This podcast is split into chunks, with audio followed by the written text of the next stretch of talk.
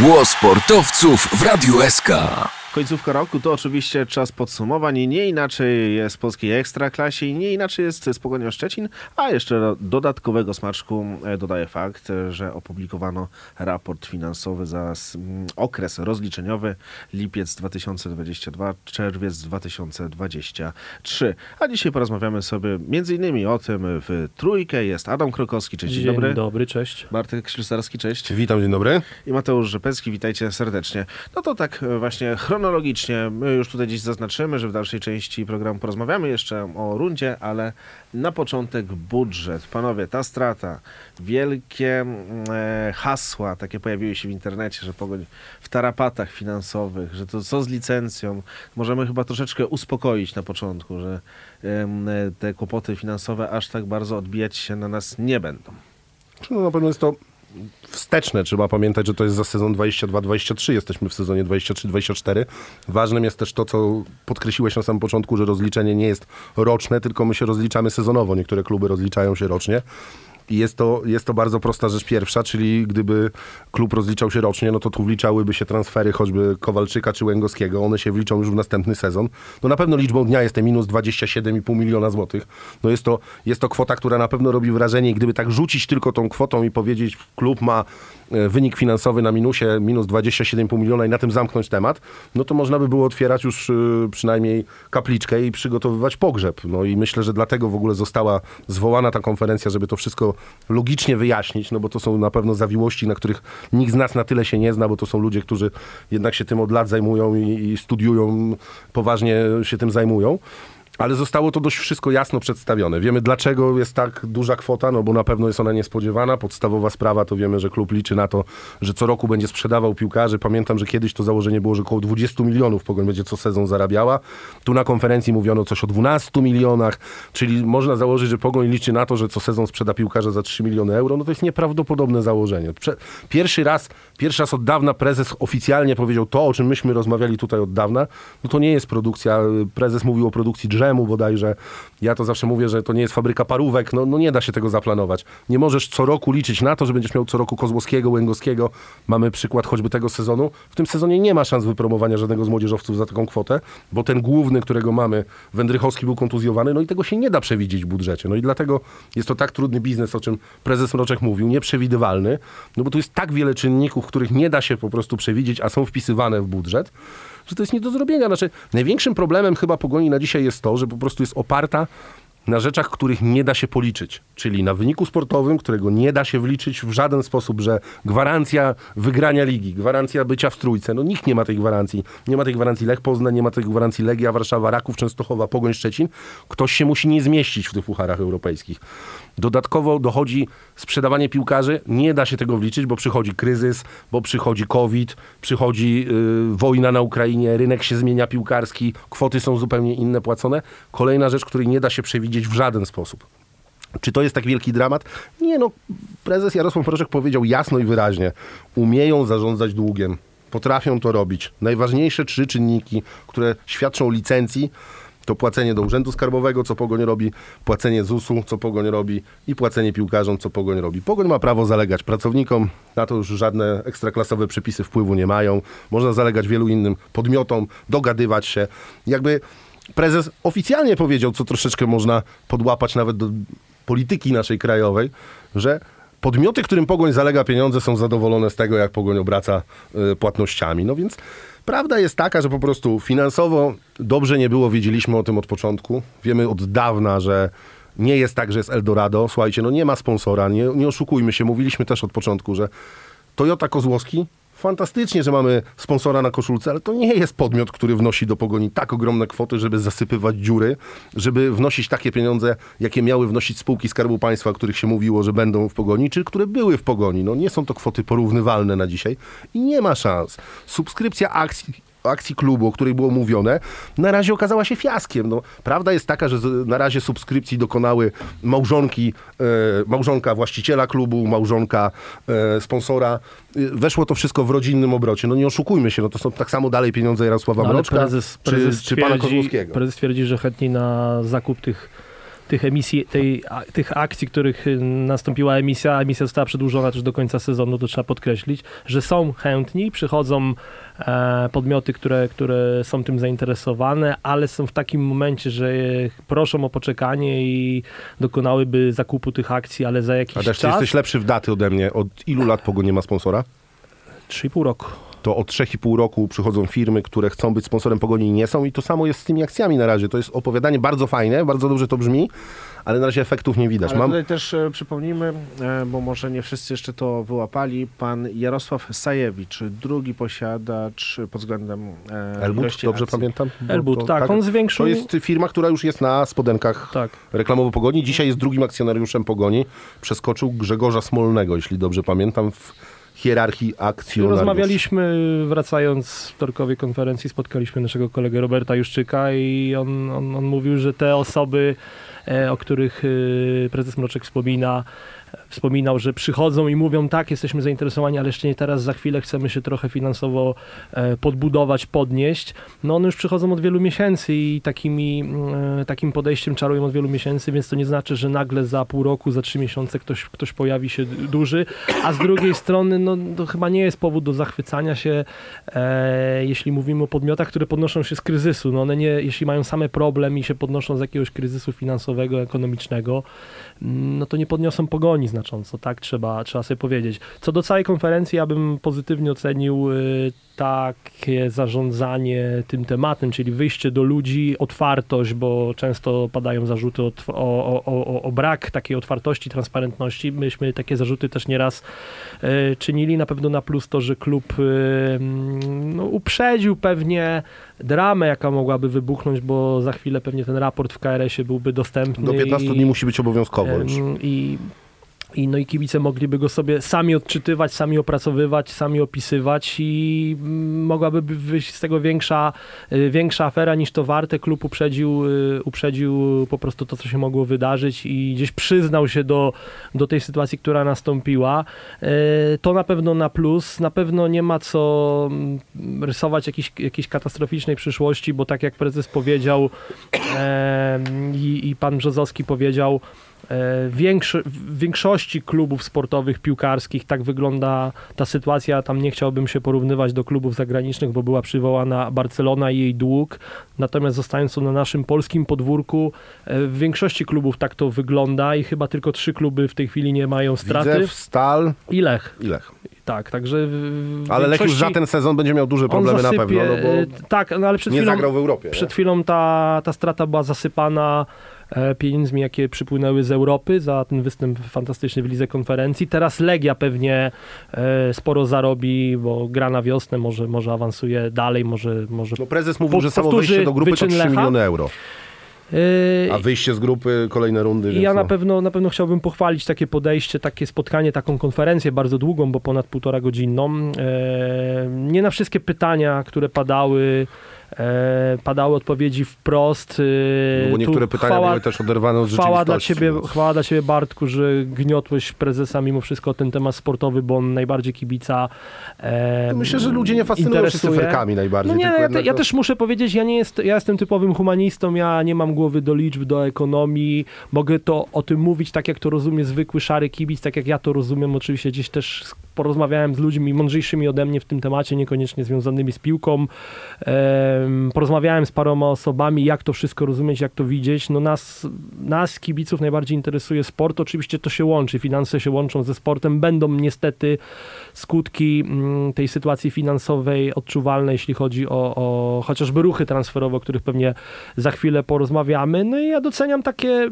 podejście, bo też dzisiaj wywiad na weszło z Pawła Paczula z dy- dyrektorem Adamczukiem, że nie czarujemy, mówimy otwarcie, że, że jakieś odejście będzie, odejście musi być, musi No być odmłodzenie, y, odmłodzenie składu. Jest to normalne, ale też nie ma co rysować takich czarnych scenariuszy, bo no, ludzie są tacy, każdy z nas taki jest, że czasami popada w skrajności i wiadomo, że to się klika, jak napiszemy, że e, tarapaty czołowej drużyny ekstraklasy, co z licencją, pogoń tonie, problemy e, Pucharowicza, tak, i wiele takich tytułów.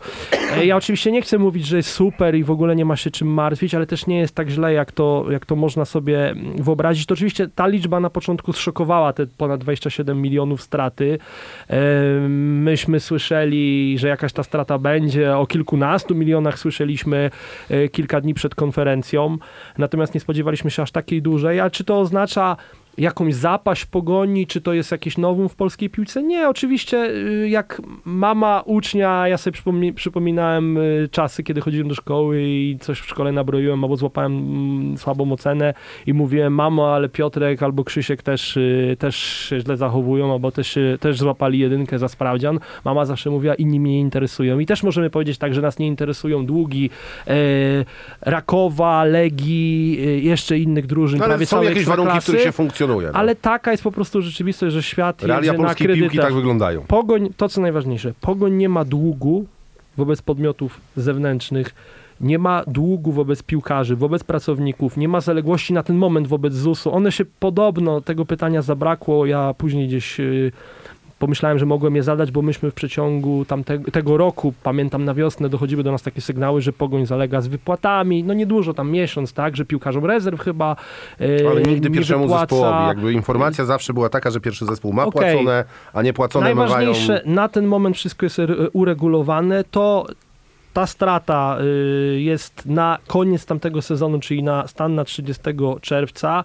Z dużą pewnością siebie prezes mówił i pan Brzozowski o tym, że ten okres rozliczeniowy, w połowie, jesteśmy w jego połowie, można powiedzieć połowa e, sezonu za nami, mm, wygląda o wiele lepiej. Znaczy na ten I moment nie ma liczą- żadnego, żadnego minusa, ale... Oni liczą, że nie będzie, że ta strata, że nie będzie na czerwono, że będzie na plus, Ale a, jeśli ryzyko jest będzie, duże. a jeśli będzie strata, to nie będzie na Ale pewno ryzyko jest taka. duże, bo jest założenie z y, wyniku sportowego. tak, i tu chciałbym przejść do tego, tak, co mi się nie podoba, z nimi porozmawiać, bo sama dokładnie. inicjatywa takiego spotkania podoba mi się bardzo. E, natomiast, no tak jak mówię, ja nie jestem z wykształcenia ani z pasji ekonomistą, e, finansistą. Podziwiam pana Brzozowskiego, słucha mi się go z ogromną przyjemnością. Widać, że to jest facet na mega, mega poziomie, jeśli chodzi o te tematy finansowe i fajnie, że ktoś taki jest w naszym klubie. E, mi się po prostu tak na chłopski rozum wydaje, że oderwanym od rzeczywistości jest zakładanie 3,5 roku nie mamy sponsora tytularnego. Azoty to było około 6 milionów, tak teraz mówię z głowy, rocznie. Mówiło się, mówiło się na, na, znaczy inaczej, od, jeżeli odniesiemy się Mówiło do się spotkania, o pięciu, które było... mówiło się o sześciu, No, mówiło się o- słyszeliśmy o siedmiu, Mówiło się o dużo niższych kwotach niż to były naprawdę, dlatego że potwierdził to emerytowany już y, członek zarządu Pogoni, pan Adamczyk, który na spotkaniu, które było dziennikarzy, kibiców, y, taki speed dating się odbywał, było to, nie wiem, dwa lata temu. E, Wtedy co pan prezes mówił, że on widzi będzie pięciu wychowanków w wyjściowym tak, tak, składzie tak. Pogoni. No to w, na tym samym spotkaniu jakby które było jednak oficjalne i przy stoliku siedziało kilku dziennikarzy, więc mogą to na pewno potwierdzić, to padła kwota 8 milionów złotych, więc mówimy o kwocie, która dzisiaj no, byłaby kolosalnym wsparciem, ale ja chciałbym jeszcze, bo uciekłeś trochę od jednej rzeczy, jakby chciałbym zwizualizować tym, którzy nie byli na tej konferencji, bądź nie wczytali się w to, skąd ta strata się wzięła, czyli nie sprzedaliśmy piłkarzy Ale za właśnie, to 12 właśnie ja, milionów. ja nie uciekam. Ja chciałem powiedzieć, Nie, że dla mnie na polski mówisz- rozum tak. nielogiczne jest że nie powinno być to wpisane, ale nie wspomniałeś o innych budżet. czynnikach. Nie wspomniałeś o czynniku, że Pogoń jeszcze wliczyła sobie Pro Junior System, którego nie osiągnęła przez to, że dokonaliśmy złych zmian w ostatnim meczu ligowym, e, bo tam zabrakło tego jednego miejsca w Pro Junior System. To są też pieniądze wliczone, wynikające z błędu. Zostały wliczone No, pieniądze... Je- Jens Gustafsson nas skroił z miliona tak, złotych. dodatkowo pamiętajmy, że Z jakby- miliona, dobrze mówię? nie, nie, z głowy ci teraz nie Okej. powiem. Jakby ważnym jest, że Pogoń zmieniła cykl rozliczeniowy za europejskie puchary, czyli jakby w jednym sezonie nie dostała pieniędzy za europejskie puchary, które wskoczą jej w następne rozliczenie, więc te pieniądze się pokryją, co też było tłumaczone. I teraz nawet jeżeli Pogoń nie awansuje do europejskich pucharów w tym sezonie, to w następnym cyklu rozliczeniowym te pieniądze będą wykazane z Trwającym. europejskich pucharów.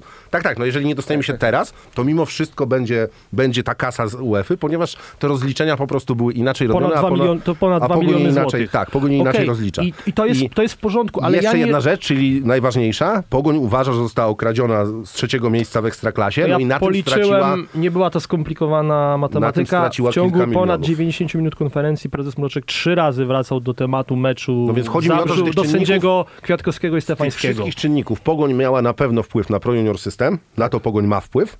Na pozostałe czynniki tak naprawdę nie ma wpływu żadnego, tworząc sobie założenia Ale budżetowe. y, tak, to dlaczego to moje... mm, y, no bo możesz założyć, że będziesz grał młodzieżowcami ale ja się i to możesz wliczyć. nie jest oderwanym od rzeczywistości zakładanie po pierwsze tego w budżecie.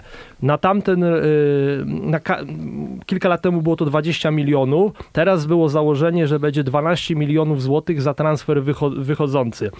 Nie lepiej jest założyć, że to będzie sporo mniej, a zaskoczyć się pozytywnie i mieć nadwyżkę czy nies- niespodziewany dopływ do budżetu. Po drugie, czemu zakładamy, w tamtym sezonie założenie było trzecie miejsce w lidze, nie wiem na jakiej podstawie. Nie lepiej byłoby założyć piąte, szóste i też się pozytywnie zaskoczyć w razie zajęcia tego No to musiałeś zacząć wydawać mniej pieniędzy. To jest trochę kreatywna Tak, księgowość. dokładnie Zaczynasz, Mhm. To- zaczynasz Zresztą wydawać te... tak to widzę, bo to nawet ci ucieknie jeden kontrakt. E, Tak? Znaczy I jakby Adamczuk, piłkarza, Adamczuk y, jako y, człowiek sportu potwierdził to dzisiaj w wywiadzie dla Weszło, że ryzykujemy od czterech lat. Czyli Pogoń z założenia wychodzi, że sprzeda, że zawsze wyprodukuje kolejnego Łęgowskiego. Kozłowskiego to się nie trafi, bo to wiadomo, że nie jest możliwe, ale Łęgowskiego jakby na tym poległa w tym sezonie, ale już to nadrobiła sprzedając Łęgowskiego i Ko- Kowalczyka. Za chwilę sprzeda Biczakciana, nie oszukujmy się, to nie jest wiedza tajemna. Podkreśla Adamczuk, że poniżej 3 milionów euro. To już będzie dobrze. Ja myślę, że 2 miliony euro, gdyby Pogoń wzięła za Biczakciana, to są mega wielkie pieniądze. Ja uważam w ogóle, że to jest, niezależnie czy Pogoń miałaby problemy finansowe, czy nie, to jest świetny transfer. Przyszedł, zrobił swoje, odchodzi obcokrajowiec Naturalna za droga. duże pieniądze, a w jego miejsce czeka trzech, czterech młodzieżowców, bo akurat na tą pozycję jest Przyborek, Mhm. Korczakowski, Fornalczyk, a za chwilę jeszcze ktoś może wskoczyć, więc jest Wędrychowski. Więc jest czterech zawodników, którzy mogą grać na skrzydle i tu nie ma problemu, a Pogoń musi to robić. I teraz dlaczego ja będę tego bronił? I to jest straszna rzecz, że ja muszę bronić Jarosława Mrożka i bronić Pogoni, bo ja zazwyczaj lubię robić odwrotnie. Czy, słuchajcie, no, jak inaczej mają być przychody jakiekolwiek do klubu? Znaczy, jedyne, co może klub zarobić, to na sprzedaży zawodników, na osiąganiu wyników sportowych, na osiąganiu europejskich pucharów, więc oni to muszą wliczać. To jest kwestia ambicji i to należy docenić. Problem polega na tym, że nie ma kolejnej odnogi, nie ma wsparcia, czyli brakuje tego sponsora. No to właśnie tu jest powiedzieć, a, a zarzut. rozsądnym jest, okej, to mi wytłumaczyliście, zgadzam To się. jest zarzut. E, czyli rozsądnym jest wpisywanie od ponad trzech lat do budżetu sponsora głównego kwota To jest 5 problem. milionów złotych, bo to też y, było latem spotkanie chyba po meczu z Wartą Poznań, tym pierwszym inaugurującym. Było spotkanie w jednym ze szczecińskich kibicowskich pubów z y, dyrektorem Adamczukiem i on tam powiedział, że Pogoń od kilku lat w budżecie zakłada, że jest sponsor. To chyba była kwota 5 czy ponad 5 milionów złotych. Czy to jest, okej, wytłumaczyliście, jest że inne. zakładanie miejsca w lidze ma sens, bo wtedy zakładamy, że więcej wydamy, wydajemy na lepszych piłkarzy i faktycznie włączamy się do walki o te czołowe lokaty, ale zakładanie, to tak jak ja bym założył budżet swój na przyszły rok, na jakieś prywatne wydatki i założył, że dobra ciocia, której nie mam z Ameryki, prześle mi w przyszłym roku 50 tysięcy Albo że dolarów. wygrasz w lotto przynajmniej raz w roku. No oczywiście, że tak, tylko problem polega na tym, że Jarosław Mroczek powiedział, że zgłaszają się do nich firmy, które proponują mi tak małe pieniądze i teraz on zbił jakby mój argument i ten, który my tu podajemy też od, nie wiem, roku, od wizyty dyrektora Machińskiego, obchodziliśmy rocznicę tej wypowiedzi, ale pierwszy raz, po raz kolejny szanuję za transparentność, padło wytłumaczenie bardzo proste, że jeżeli przyjęlibyśmy tak niskie oferty od najwyższego sponsora w piramidzie, to automatycznie obniżyłyby się wpływy od tych mniejszych sponsorów, no bo oni nie chcieliby płacić wtedy takich kwot, które teraz płacą, skoro główny sponsor na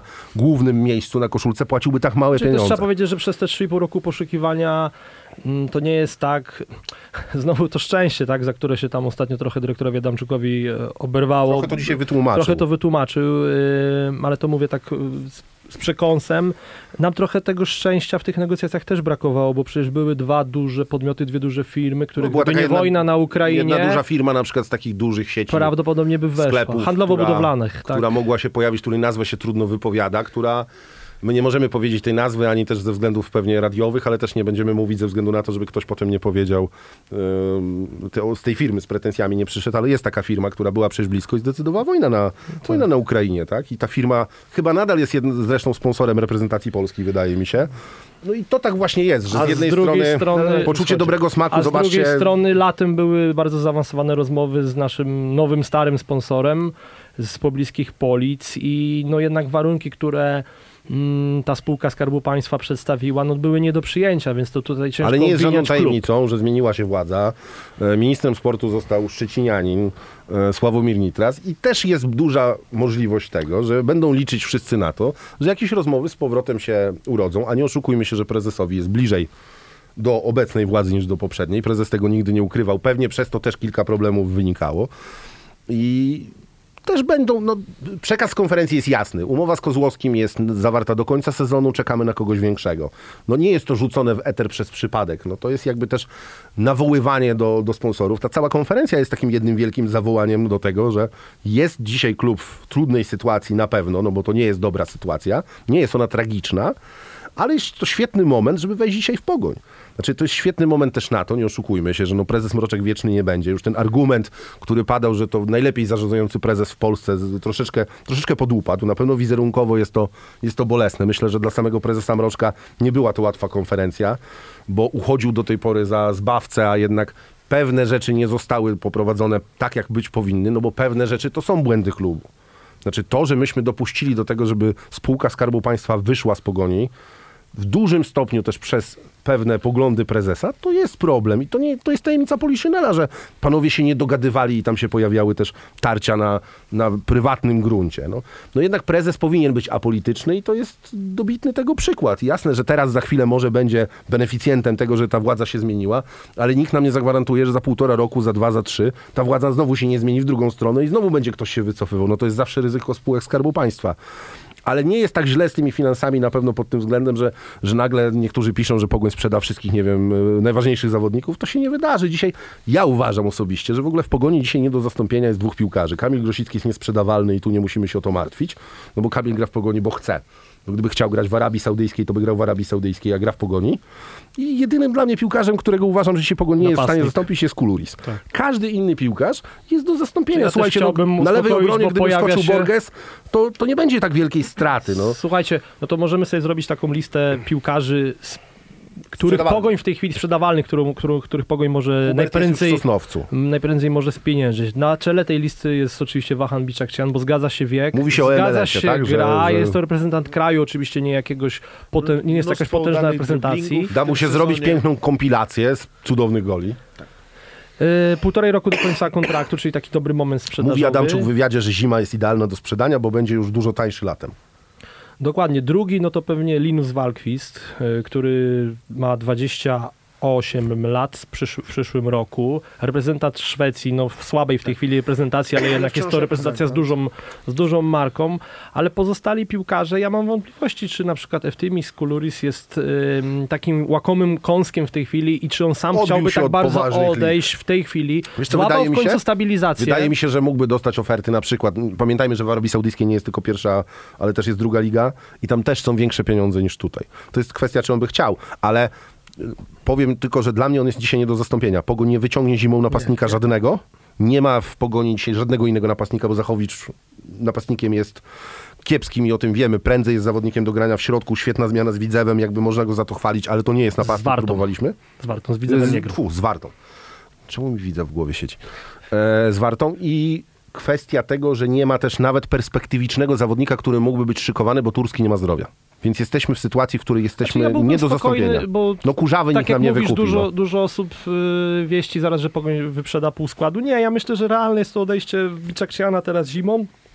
A i, to, a i tu musi być jakaś oferta zadowalająca, tak jak mówi y, Dariusz Adamczyk. Myślę, że te że 2 miliony euro są są- zapytania, na razie są one za niskie, niesatysfakcjonujące ani klubu, ani Słuchajcie, piłkarza. wiecie dlaczego nie będzie wyprzedaży? Wpisany jest wynik sportowy. W klubie wiedzą, że musi być zrobione top 4, bo Czy ja w ogóle uważam, puchary że w albo tym polski. sezonie, że w tym sezonie y, poziom sportowy, to znaczy jakość piłkarzy, których w tej chwili mamy, nie ucierpi znacząco, bo nawet jakby odszedł Wahan, wskoczy ktoś młody. Wędryk n- wskoczy, no. Nie jest nie jest powiedziane, że wtedy poziom sportowy drużyny się znacząco obniży. Oby tylko Wędrychowskiemu dopisywało zdrowie. Pytanie jedynie, co z kolejnym sezonem, bo e, ta sytuacja budżetowa może sprawić to, że nie będzie nas, nas już stać na piłkarzy e, z zagranicy, którym trzeba dużo Pokroju zapłacić. Ulwerstadta. Tak Bo jak przykład który na sezonu nie osiągniemy dobrego wyniku wtedy może być wyprzedaż. To będzie właśnie groziło I Wyprzedaż- wtedy, jeśli utrzyma ten poziom gry i będzie dalej dokładał liczby w tym Isku Luris, to wtedy zgodzę się, że on A może ja wiem, kto mógłby odejść. kupić Kulurisa. Raków Częstochowa. Próbował wyciągnąć Esposito, Kuluris był na liście Rakowa. Teorii tak, ale ja Rzucam ci wątpię, żeby to się stało, no. wątpię, żeby to się stało, Jasne, żeby to się stało zimą. Tak samo Nie, nie, nie zimie. martwiłbym się o naszego lewego obrońcę. Nie wydaje mi się, żeby on po tak przeciętnej jednak rundzie, gdzie No nastąpił i masz Borgesa mimo wszystko, którego mógłbyś wrzucić na lewą Tak, obronę. no bo na prawej obronie, jeśli odszedłby Walkwist, no to ma, zostajemy ze Stolarskim i jest to zmiana, której moglibyśmy się obawiać. Jeśli chodzi o lewą, czy aż tak byśmy to czuli, nie wiem. Środkowych naszych obrońców nikt nie będzie chciał. Nie wydaje mi się, żeby ten, żebyśmy ten budżet ratowali, czy tą stratę próbowali zasypać nagłą wyprzedażą. Jedno odejście, słuchajcie, jest moim zdaniem naturalne. Nie jest powiedziane też, że nikt nie przyjdzie, jakiś piłkarz z wolnym kontraktem. Mm, Ale co, po sezon, ciężko co po sezonie to zobaczymy. Oczywiście kluczowe jest zajęcie jak najwyższego miejsca w lidze, Musimy być w europejskich pucharach. pieniądze e, do budżetu i no, jeśli zakłada nasz, y, na, nasz budżet, ten nasz, ten nasz plan zakłada trzecie miejsce, no to jest bardzo ambitnie, chociaż ja z tego spotkania z dyrektorem Adamczukiem z lipca czy z sierpnia kojarzę, że tam chyba jest założone też piąte miejsce, bo tych scenariuszy jest kilka, więc to nie jest tak, że tam nikt nie jest przygotowany Wydaje na mi się, trochę gorszy być, scenariusz. Jeśli chcemy być dalej na tym poziomie i móc utrzymywać zawodników na tym poziomie i robić transfery na tym poziomie, bezgotówkowe, bo nie grożą nam gotówkowe transfery w jakichś wysokich Mhm. kwotach, bo to są u nas zazwyczaj bardzo niskie kwoty, ale dalej stać nas na zawodników pokroju Ulwerstadt, Grosicki, którzy robią różnicę, Kuluris, Kutris, to musimy awansować do Europy. I dodatkowo niestety tu trzeba mobilizacji, bo też wy, wychodzi taka atmosfera pogrzebowa, zaczyna się pisanie, jakby ten klub już miał upaść i, i w ogóle przestać istnieć. Jakby nie jest najlepiej, ale nie jest też tak źle.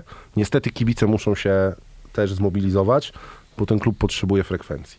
Znaczy, jeśli będziemy teraz robić, słuchajcie, taką atmosferę, że jest wszystko źle, najgorzej, to nie jest dobry moment na to. Dlatego, że jednym z czynników wpływów do klubu dużym, ważnym jest to, że ta frekwencja jest wysoka. y, po telewizji, która w dużym No, stopniu Kanal finansuje Plus tę utrzymuje ligę. całą tą ligę. Bez kanału nie ma, nie ma ligi. Po ekstraklasie naj, najbardziej finansującym klub czynnikiem są, powiedział prezes kibica. On powiedział, że I jeszcze No, pan mecenas Brzozowski dobitnie to tak, on tego, powiedział, kojarzę. że kibice jak kilka lat temu na starym stadionie przychodziło 3-3,5 tysiąca, śpiewało Pogoń to my, no to prezesa gdzieś troszeczkę zawsze ruszało.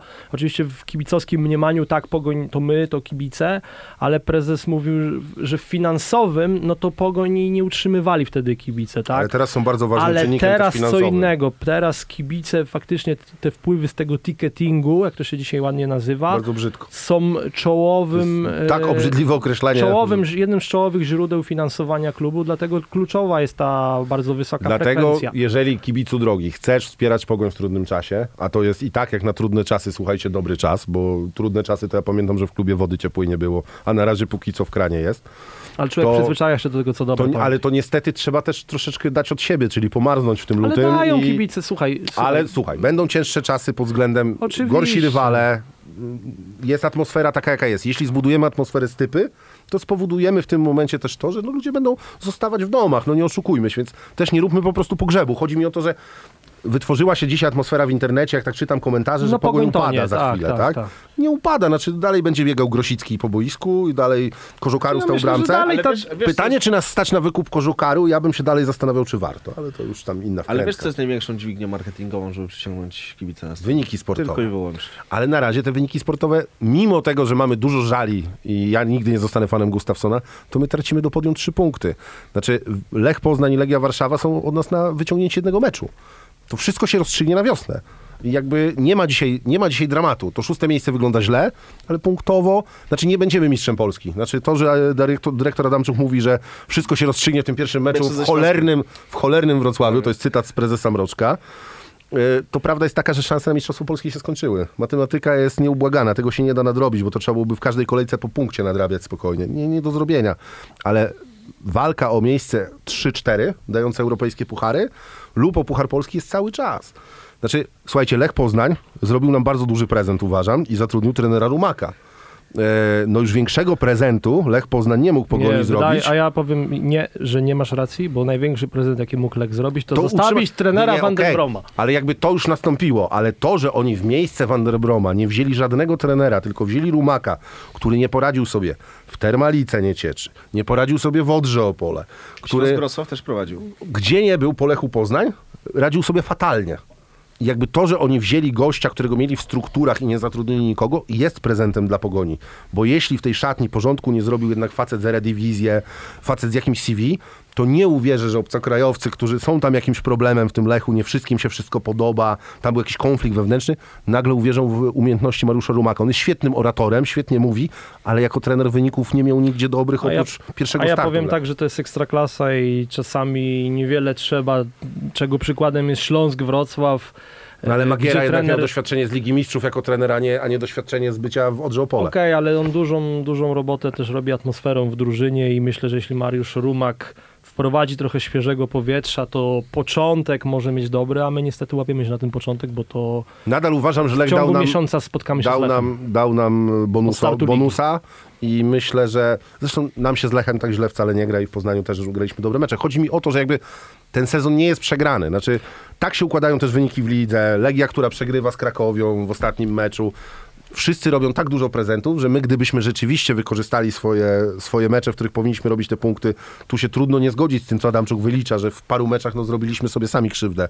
To spokojnie mogliśmy być dzisiaj na tym trzecim miejscu jeszcze z przewagą, ale nic nie jest przegrane. Ale w tym sezonie niestety jest to dla nas bardzo ważne po prostu też pod względem finansowym. No, to trzecie, czwarte miejsce może spowodować, że przyszłość Pogoni będzie w różowych barwach, a to szóste miejsce, że będzie w ciemnych barwach. Ewentualne odpadnięcie, niezdobycie Pucharu Polski, zajęcie 5 miejsca milionów jest piątego... chyba, tak? Dobrze mówię? Tak, 5 Premii. milionów i nie zakłada tego budżet Nie Pogoni. zakłada tego budżetu. 5, 6, y, miejsca 5-6, już nie mówiąc o niższych y, pozycjach w tabeli, no mogą jednak sprawić, że Pogoń przestanie zatrudniać piłkarzy mm, z No kontraktami powyżej 100 Zamiast tysięcy Kutrisa na lewej złotych. obronie znowu będzie biegał Matynia. No. Y, Będzie duże odmłodzenie składu, które i tak nastąpi, bo musi nastąpić większe spolszczenie tej drużyny, bo o tym się też głośno mówi. Ja Ale to, nie popieram, tylko ze względów tak? finansowych. Znaczy ja uważam, że ta proporcja Znaczy, w Pogoni się zachwiała. tożsamości, tożsamości trochę i... A druga sprawa, że Adamczuk też mówi w tym wywiadzie, że jakby Pogoni nie stać na Polaków, którzy są już jakąś marką, więc musimy tych Polaków sobie wychowywać. No trafiliśmy na też taki moment i to będzie się zdarzało, że po prostu jest gorszy rocznik, ale mówi się, że te kolejne są dość utalentowane. Jakby też nie patrzyłbym, bo 2-6, widzę... 2-7. Patrzę, 2-8. patrzę też, widzę dużo komentarzy, że jak wziąć tych zawodników z celiotki, jak wziąć tych zawodników z rezerw. To chyba ty, Adam, pisałeś na, na Xie, z- niegdyś Twitterze, że y, jeszcze niedawno Mistrzostwo Polski robiły kluby z Krakowa, a dzisiaj nikt nie gra w Ekstraklasie. Nie, to nie ja pisałem, To- to ale podpisuję się. Ktoś, ktoś o tym pisał, no jakby Wisła była mistrzem Polski, słuchajcie, no tam chyba Jakub Bartosz zrobił największą karierę, a i tak i tak nie jest to nazwisko, które w większości kibiców z Ekstraklasy cokolwiek mówi. Chyba w Puszczy Niepołomice jest, tak? Ale wystarczy spojrzeć na naszych medalistów, słuchajcie. No to tak naprawdę, gdyby nie ci, którzy Listkowski czy Kowalczyk, którzy byli cofani trochę też do tych, do tych meczów, pamiętacie, tam z Legią, bo to były te pierwsze takie sukcesy naszych juniorskich drużyn, Srebro. wtedy. to później ci zawodnicy grają po trzecich, czwartych ligach, niektórzy nie grają w piłkę. Ja kiedyś, nie chce mi się, nie chce mi się tego wrzucać, bo to się nie zmieści w jednym twicie, więc to trzeba byłoby rozbić bardzo mocno. Ale kiedyś sobie taką listę przygotowałem, to słuchajcie, tam połowa zawodników to gra w niskich niemieckich ligach, część zawodników kopia amatorsko w piłkę, część zawodników gdzieś tam jest rezerwowymi w drugoligowych zespołach, to nigdy się nie będzie tak przekładało. To ma wyskoczyć jeden piłkarz, to ma wyskoczyć dwóch piłkarzy. Więcej ich nigdy nie będzie. Nie ma na to fizycznej możliwości. No i panowie, tutaj stawiamy sobie kropeczkę, jeżeli chodzi o część pierwszą, ale oczywiście zapraszamy do dogrywki. Czas na dogrywkę. I zapraszamy na dogrywkę. Skończyliśmy troszeczkę z taką melodią przyszłości, jak to będzie wyglądać, a ja panowie, teraz zmieniając temat, chciałbym troszeczkę porozmawiać o przeszłości, ale takiej bliskiej, podsumować troszeczkę tą rundę, przelecić sobie po tym naszym składzie, mm, jakie mamy największe rozczarowania, kto zrobił na nas największe wrażenie, ale może zacznijmy sobie od tej bramki, bo e, chcąc nie chcąc mamy tutaj do oceny aż trzech zawodników, Zac- zaczynając chronologicznie Dante Stipica. No, ten przed zajmie- Największe rozczarowanie, jak mówiłeś, to przyszedł mi od razu do głowy Stipica. Przed nagraniem właśnie mówiliśmy, że konia z rzędem temu, który gdy Pogoń grała z Widzewem w drugiej kolejce i to był ostatni mecz Dantego Stipicy, wpadłby na pomysł, pomyślał, że po raz ostatni widzimy Stipicę w bramce Pogoni. No to... Sibilla by tego nie e, przepowiedziała. no. Naprawdę ciężko coś takiego przewidzieć, co się wydarzyło. No na pewno rewolucja w bramce, tak to trzeba nazwać, yy, bo jednak Stipica kilka lat, kilka lat stanowił o, e, o bramce yy, i chyba zapisał się pozytywnie, trzeba powiedzieć, w naszej historii. Dwa medale zdobył, miał ten początek, te pierwsze dwa lata niesamowite, potem trochę gorzej, no i chyba będziemy wyczekiwać teraz w najbliższych tygodniach pozbawieni tych ligowych emocji, właśnie takich emocji pozaboiskowych, będziemy oczekiwać tej informacji, że znalazł sobie klub, odchodzi, niech mu się wiedzie, bo Pensja powrotu, zejdzie. powrotu do szatni nie ma, zejdzie też pensja, szukamy mocno tych oszczędności, to też był jeden z takich punktów, optymalizacja kosztów na, tym, e, na tej konferencji. Także A to mały takie, kontrakt to nie jest. takie, to e, takie, takie mm, no pozytywne by to było, uważam, dla wszystkich. E, Trzeba wręczyć Nie no, jakąś, jakąś, ładną, piłkę, nie jakąś ładną Nie paterę, dostanie, nie jakąś ładną patery. ramkę Nie podziękować. będzie, nie będzie ładnych podziękowań. Był Będą potem, podziękowania Kwiatkowskiemu w PZP. był potem, y, był potem Klebaniuk, no i tak jak jeszcze wiosną, czy może na początku tego sezonu mówiłem, że przy tych niepewnych występach Stipicy, że no, trzeba szukać jakiejś zmiany, jakiejś rywalizacji, dać może temu chłopakowi szansę. Głosy, które do nas dochodziły, no mówiły o tym, że prezentuje się bardzo dobrze w treningach, no ale wejście do tej poważnej piłki ma, miał fatalne, no puszczony gol z rekordem Bielsko-Biała, puszczony gol z Górnikiem Zabrze, no wprawdzie e, obroniony ten karny na Legii, niezła postawa, kiedy wszedł do bramki na bułgarskiej w meczu wiosną e, wyjazdowym z Lechem, no ale jak dostał szansę mm, latem e, w tym, w tym sezonie, no to to było średnio, choć po tym blamarzu w Gencie później trosz, troszeczkę się otrzaskał i trzeba powiedzieć, że no chociaż drużynie jakoś zbytnio nie pomagał, to też ciężko go winić yy, za, te, za te porażki, ale klub był zmuszony intensywnie szukać. Nie no, dzisiaj przejechał się po z nim dyrektor zdarzenia. w wywiadzie. No powiedział, że nie nadaje się do piłki na tym No poziomie. przejechał się dyrektor, ale też wracając Prezes do konferencji, konferencji, powiedział coś w stylu, że... Ja jestem przerażony tym, że oni go tak zbudowali. Znowu było mówienie o tym szczęściu i też, też pan Brzozowski mówił, że piłka nożna jest taką dziedziną, czy prowadzenie, m, planowanie budżetu w klubie sportowym, zwłaszcza piłkarskim, to jest, jest, bardzo, dużo, jest bardzo dużo niewiadomych, bo mogło, mógł się inaczej potoczyć mecz, mecz w Zabrzu, mógł... Inną kulkę mogli mogliśmy wyjąć podczas wylosować kogoś innego w europejskich pucharach, no i prezes powiedział o tym właśnie, że mieliśmy pecha w losowaniu i chociaż wydaje mi się, że jakbyśmy wylosowali kogoś innego, to też byśmy raczej nie awansowali w tamtym momencie, no i wspomniał o Klebaniuku, także klub nie, bu- nie buduje Klebaniuka, nie buduje dyrektor Adamczuk. Tu e, trzeba zaznaczyć, nie buduje drugiego golkipera naszej I drużyny. jest podkreślone, że nie będzie wypożyczony, że zostaje przynajmniej do czerwca w zespole, co jest mi... I jednocześnie klub mówi, że nie jest gotowy. Jak no miałbym coś zarzucać z tych wywiadów i z tych konferencji naj, najgorszego, no to to jest uważam najgorsze, co zrobiono, czyli powiedziano chłopakowi, że jest dwójką, jakby to fajnie, że jest numerem dwa, ale że do grania w piłkę się nie nadaje na tym poziomie i teraz, jeżeli cokolwiek się wydarzy, no to on psychicznie jest zbudowany fantastycznie. Jeśli chodzi o ocenę Kożukaru, który trafił do nas z Belgii, trafił na początku września, wskoczył niemal od razu do pierwszego składu, wtedy była przerwa na kadrę ta wrześniowa, wskoczył do me- w meczu z Koroną, no i początek miał taki dość niepewny, ale rozkręcał się z meczu na mecz i chyba poza spotkaniem z Wartą, może też któryś z goli straconych z Legią, to ja do niego większych zarzutów nie mam. Uważam, że dał dużo pewności drużynie, mm, wniósł trochę spokoju, bardzo dobra gra e, nogami. W pewnym momencie szlifował e, ten, ten rekord e, minut bez wpuszczonego gola.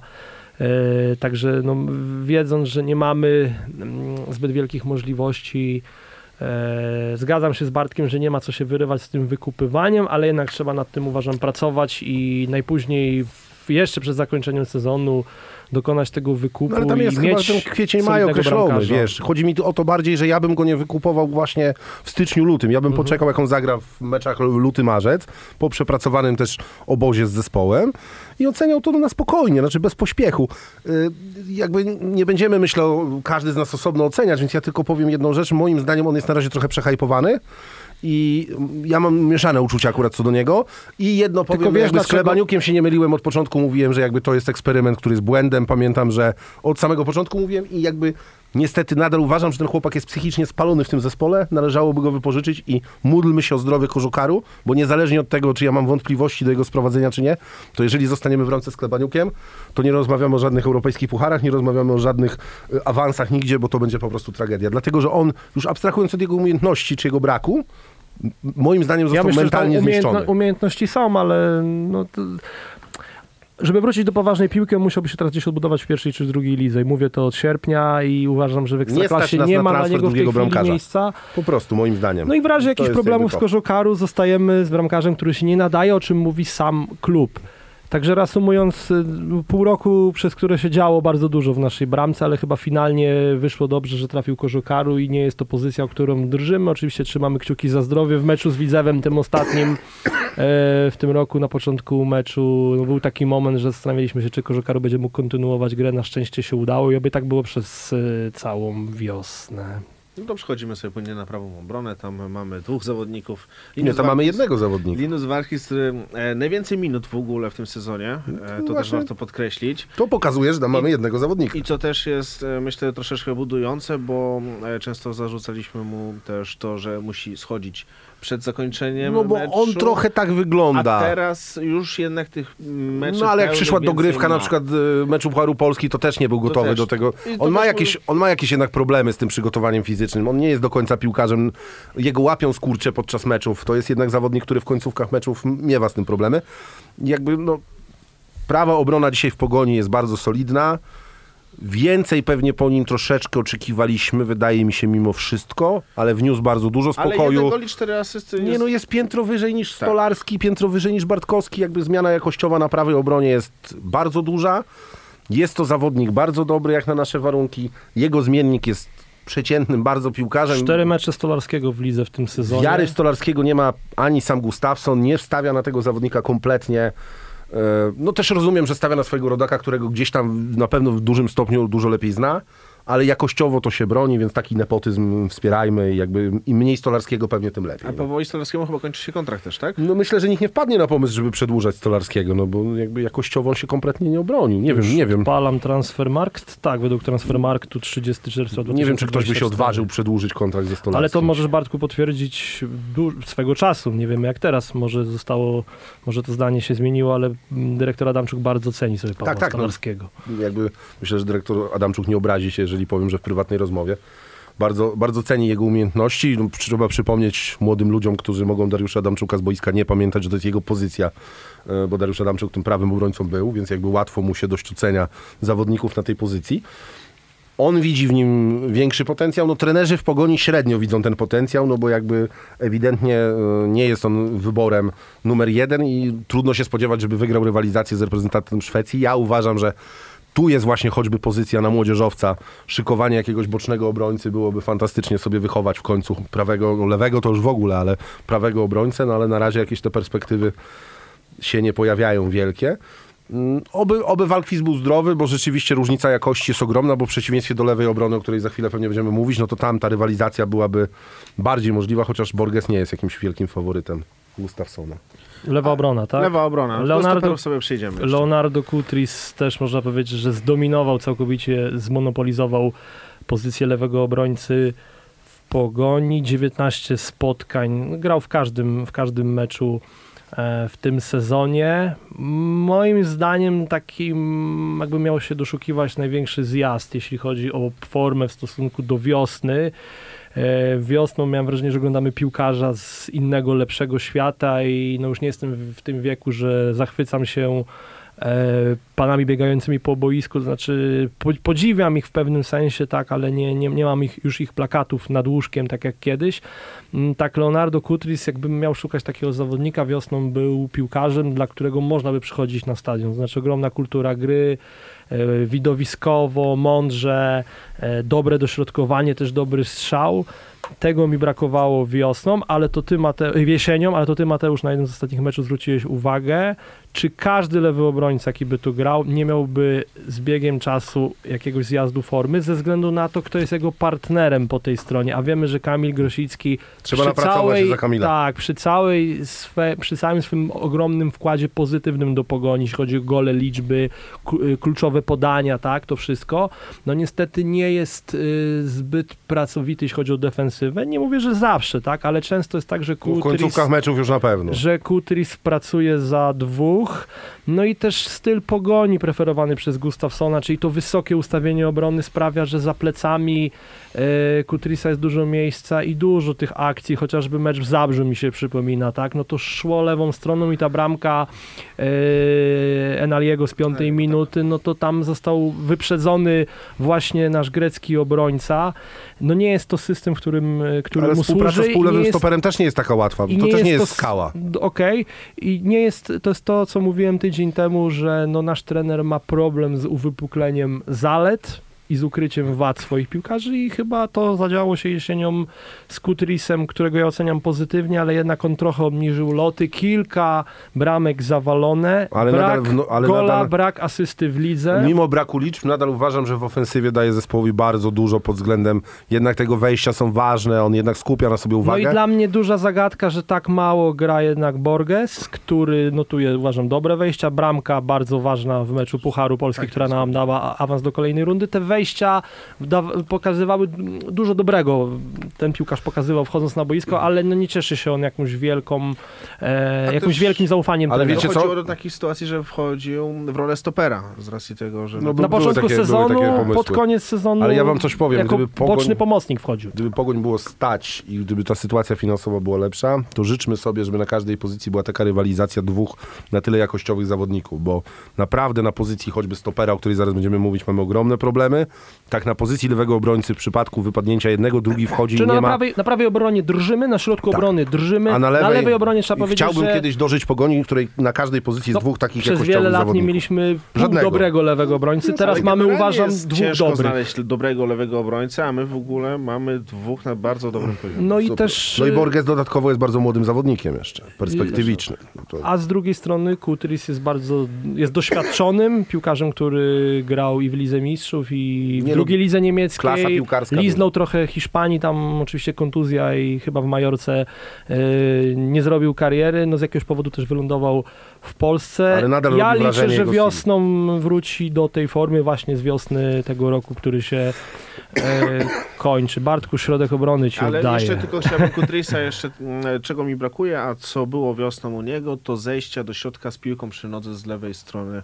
To było takie fajne zagranie teraz. No nie widzę tego po prostu u niego. Mam nadzieję, że Może takie są założenia. Nadal, Może- nadal może- uważam, może że jakościowo to jest na dzisiaj chyba najlepiej obsadzona pozycja w pogoni, jeżeli chodzi o pole wyboru na, na pozycję. Bo nie widzę drugiej takiej pozycji, w której naprawdę drugi zawodnik wchodzący dalej trzyma taką jakość. A co do stoperów, no to chyba najgorzej, najgorzej wyglądająca pozycja w pogoni w tym momencie. No może ze względu Ja na. tylko powiem sposób- Benedykt Cech, Mariusz Malec, Daniel Lączar, Wojciech Lisowski. No, Wojciech Lisowski, jakby od niego zacznę, bo on mi tutaj to zarzucał, jakby nadal uważam, że wszystko fajnie, przesympatyczny człowiek, przeinteligentny. No fajna to historia z jest- punktu życiowego. To nie jest poziom ekstraklasy i jest problemem pogoni, że w przypadku bardzo kontuzjogennego Lączara numerem 3 został Wojciech Lisowski, bo gdyby był piłkarzem na tyle jakościowym, to nie grałby w rezerwach pogoni przez ten ostatni sezon choćby, tylko grałby przez gdzieś, dwa. ale mówię już nawet o ostatnim sezonie. I jakby tu nie chce się, jakby nie jest on problemem pogoni. Problemem pogoni jest to, że pogoń nie ma dwóch jakościowych stoperów. Benedikt Cech ma najlepszy czas, ma za sobą, Prime ma za sobą, popełnia coraz więcej błędów, a i tak jest najlepszym stoperem pogoni, jeżeli chodzi o umiejętności. Malec za to jest najsolidniejszym pogoni stoperem, ponieważ jest wiecznie zdrowy. To jemu trzeba oddać, że on nie jest kontuzjowanym zawodnikiem. Ale dopiero mówimy o tym roku, bo tak, tak, we no, wcześniejszych oceniamy- latach był oceniamy- regularnie Oceniamy teraz, oceniamy teraz dzisiaj, nie? No to jakby Malec wygrywa w pogoni swoją pozycję tym, że jest zdrowy. Jakościowo nikt mi nie powie, że to jest piłkarz na top 4 czy top 6 dzisiaj ekstraklasy. To nie jest piłkarz z takimi umiejętnościami. On ma tak dużo ograniczeń, tak kiepsko gra w powietrzu. Nie daje zespołowi żadnej pewności siebie. Popełnia cyklicznie takie pojedyncze błędy, które zawsze coś zapalają. To jego mityczne wyprowadzenie piłki, o którym się wiecznie słucha, na nic się nigdy nie przekłada prawie w tych meczach. Znaczy ja nie przypominam sobie w ostatnich tygodniach, żeby to jego wyprowadzenie piłki coś zespołowi dało. Ja wiem, że Ale ktoś mi wypomni mecz z Legią, przodu. gdzie tam Ale to jest wyprowadził piłkę. znowu kwestia tego, jak, jakie my mamy ustawienie, bo wyprowadzenie piłki Okej, no. możesz grać z...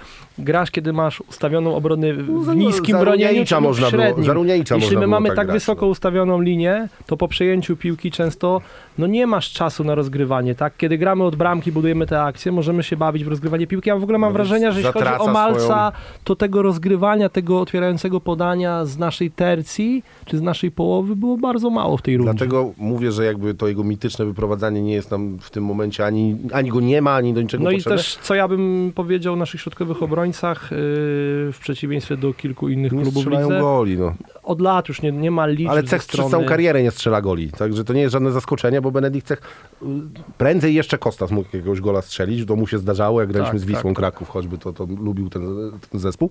Ale problem polega po prostu na tym, że jakby prime Cecha minął, a jest niezastąpiony, Malec będzie grał dlatego, że nie ma innego wyboru, w klubie liczą no bardzo jest, na Lączara. No jest Polakiem. Liczą bardzo w klubie na Lączara, był poruszony przez prezesa nawet temat, prezes No to mnie zdziwiło, mówi, bo prezes unikał tych Prezes tematów mało sportowych, odsyłał do Dariusza Adamczuka, ale tu powiedział Lączarze, Mnie że... szokował prezes tym. Wiecie dlaczego? Bo ja rozumiem, że przyszedł Lączar z problemami z kolanami, ale po co było czekać tak długo z oczyszczeniem tego kolana, skoro tak długo go bolało? On i tak w końcu nie grał i czekaliśmy tyle i on teraz nie wejdzie od początku z zespołem w okres przygotowawczy, bo on będzie gotowy pewnie dopiero w trakcie tego okresu Osiem przygotowawczego. spotkań w tej rundzie w lidze, I jedna bramka w meczu Bardzo na niego liczą, bardzo na niego liczą. Podkreśla to i Adamczuk w wywiadzie dla Weszło, że, że Lączar wróci.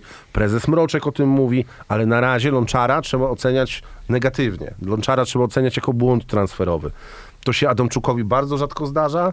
Należy go chwalić za te transfery, które przeprowadza, ale na razie Lączar jest porażką po prostu. No bo Ale jeszcze, nawet jeśli teoretycznie ale jest dobrym piłkarzem, to porażce, jak to mówisz o Lączarze, ja się z tym nie zgodzę. Ja uważam, że jeszcze jest iskierka nadziei, że jeśli on faktycznie to czyszczenie kolana miał i może być już tylko lepiej. Szkoda, że nie zacznie, prawdopodobnie nie zacznie z drużyną okresu przygotowawczego. Może dołączy w trakcie, może pewnie, poje, pewnie, poleci, odbijać, pewnie poleci na obóz do Turcji, ale już, już nie będzie wytłumaczenia, bo jeśli on przepracuje chociaż część okresu przygotowawczego, zakładam, że jakaś szansa pojawi się gry dla niego, mm, a jeśli będzie zdrowy, to będzie pierwszy do wejścia z ławki nie Wojciech Lisowski, tylko właśnie nie, Daniel no, ja myślę, że on normalnie Ja powinien myślę, tworzyć parę on, dosta- on no, wiosną w pewnym momencie tworzył i sezon też zaczynał. To on grał w pucharach. Yy, w meczach z Belfastem Ale zobacz, on od razu jak przyszedł, Gandawą. od razu złapał uraz, I jak nie tylko będzie już przyszedł. Bartek wymówek y, na to, że jest słabo z nim, że on nie daje drużynie tego, czego oczekiwaliśmy. Myślę, że taka ostateczna ocena będzie po sezonie. Wiesz co, ale jakby rozmijamy się tylko z jedną rzeczą. Ja nie mówię, że on jest porażką sportową. On jest porażką po prostu pod względem transferu zawodnika, który przyszedł tu tak naprawdę kontuzjowany. Bo on od samego początku, kiedy przyszedł, się rozsypał i te problemy z kolanami musiały być od samego początku. I to było jednak za duże ryzyko. Moim zdaniem nie stać nas na takie ryzyko, żeby sprowadzać obcokrajowca do Pogoni, który nie jest w pełni zdrowy. Tak jak Pogoń kiedyś zrezygnowała z Szymona Pawłowskiego, badając go i dochodząc do wniosku, że istnieje ryzyko, że kontuzje będą nawracały i nie zaryzykowała, tak uważam, że nie powinna była ryzykować.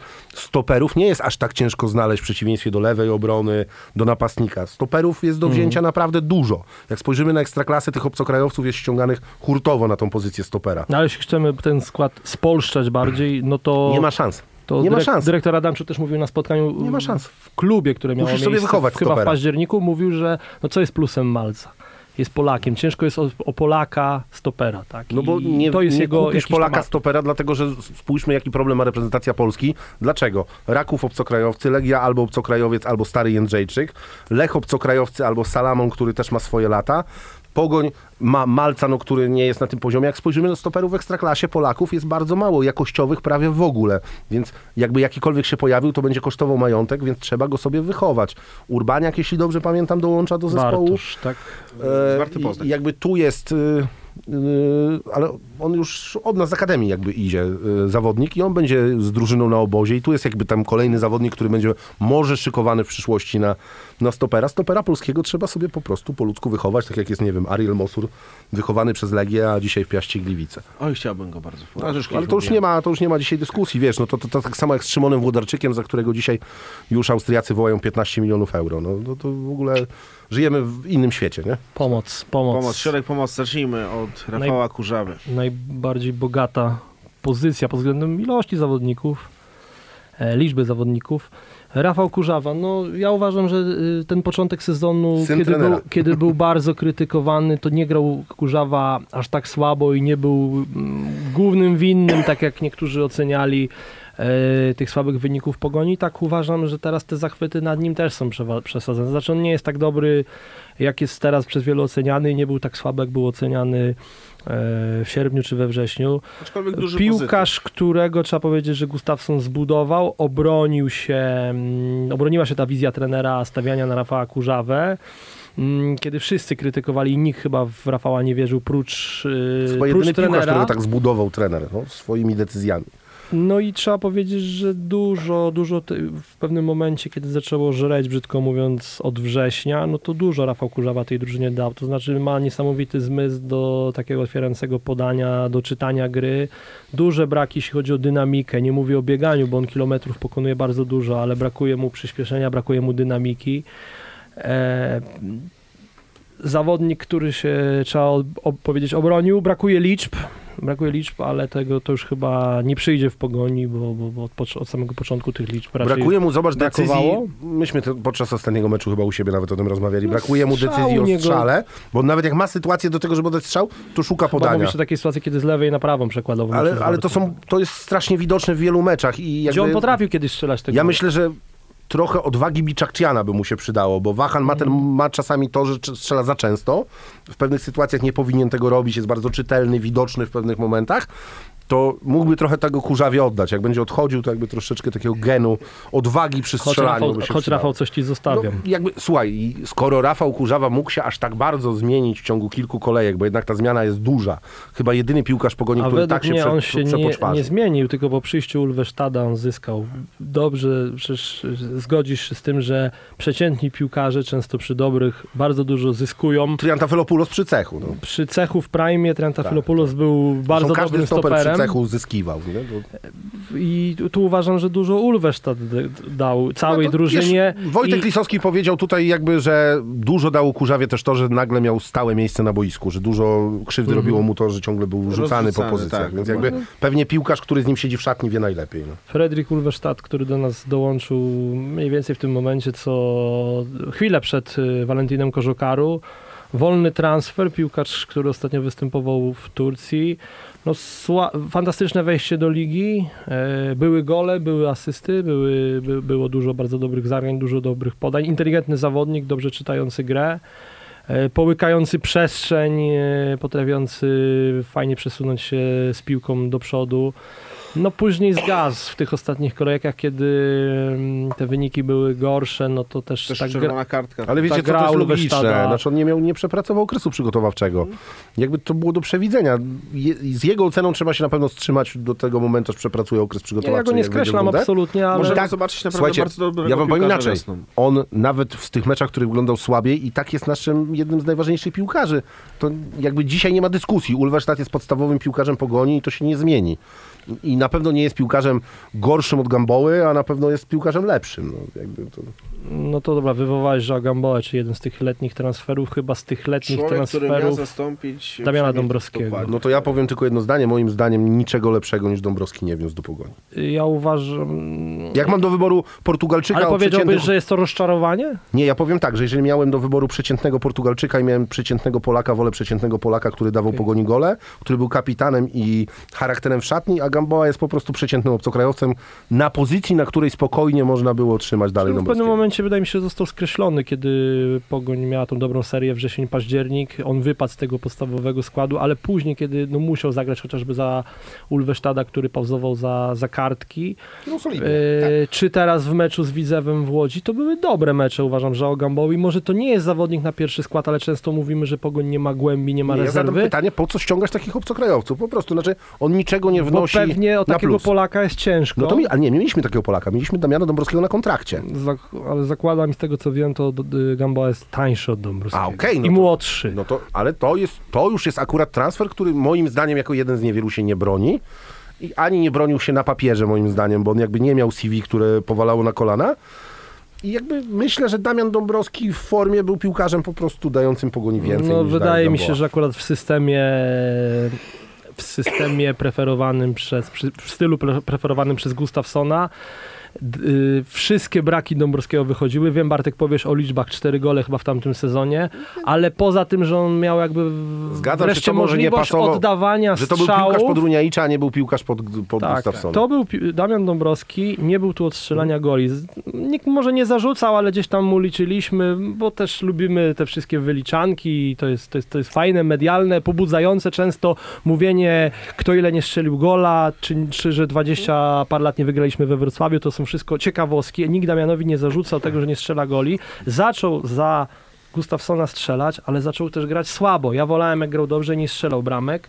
No i niestety ja się nie zgodzę z tym, że Damian Dąbrowski, yy, że wolałbym Damiana Dąbrowskiego. Sprzed paru lat Damiana Dąbrowskiego tak, ale ten ostatni rok pokazał, że Damian Dąbrowski już w pogoni, ni- do pogoni nie pasował. Ja I uważam nadal, że po prostu lepszy przeciętny Polak niż przeciętny Portugalczyk. Jeśli mam porównywalnych zawodników, to ta szatnia została trochę tak zaburzona i moim zdaniem Pogoni tego charakteru też troszeczkę brakowało, a Dąbrowski charakter do Zgodzę Pogoni się. wnosił. Tak, zgodzę się Nie z bez tym. powodu był kapitanem, no jakby... Zgodzę się z tym, ale w jego miejsce może po prostu powinna bardziej wchodzić młodzież i tej młodzieży, tych wychowanków brakuje. No wiesz, no, ale jeżeli robiłeś eksperymenty ze Stanisławem Wawrzynowiczem, no, no to niestety, no prawda jest taka, że bierzesz 23-4-letniego chłopaka i próbujesz udawać, że nagle Ja- jego talent wyskoczy.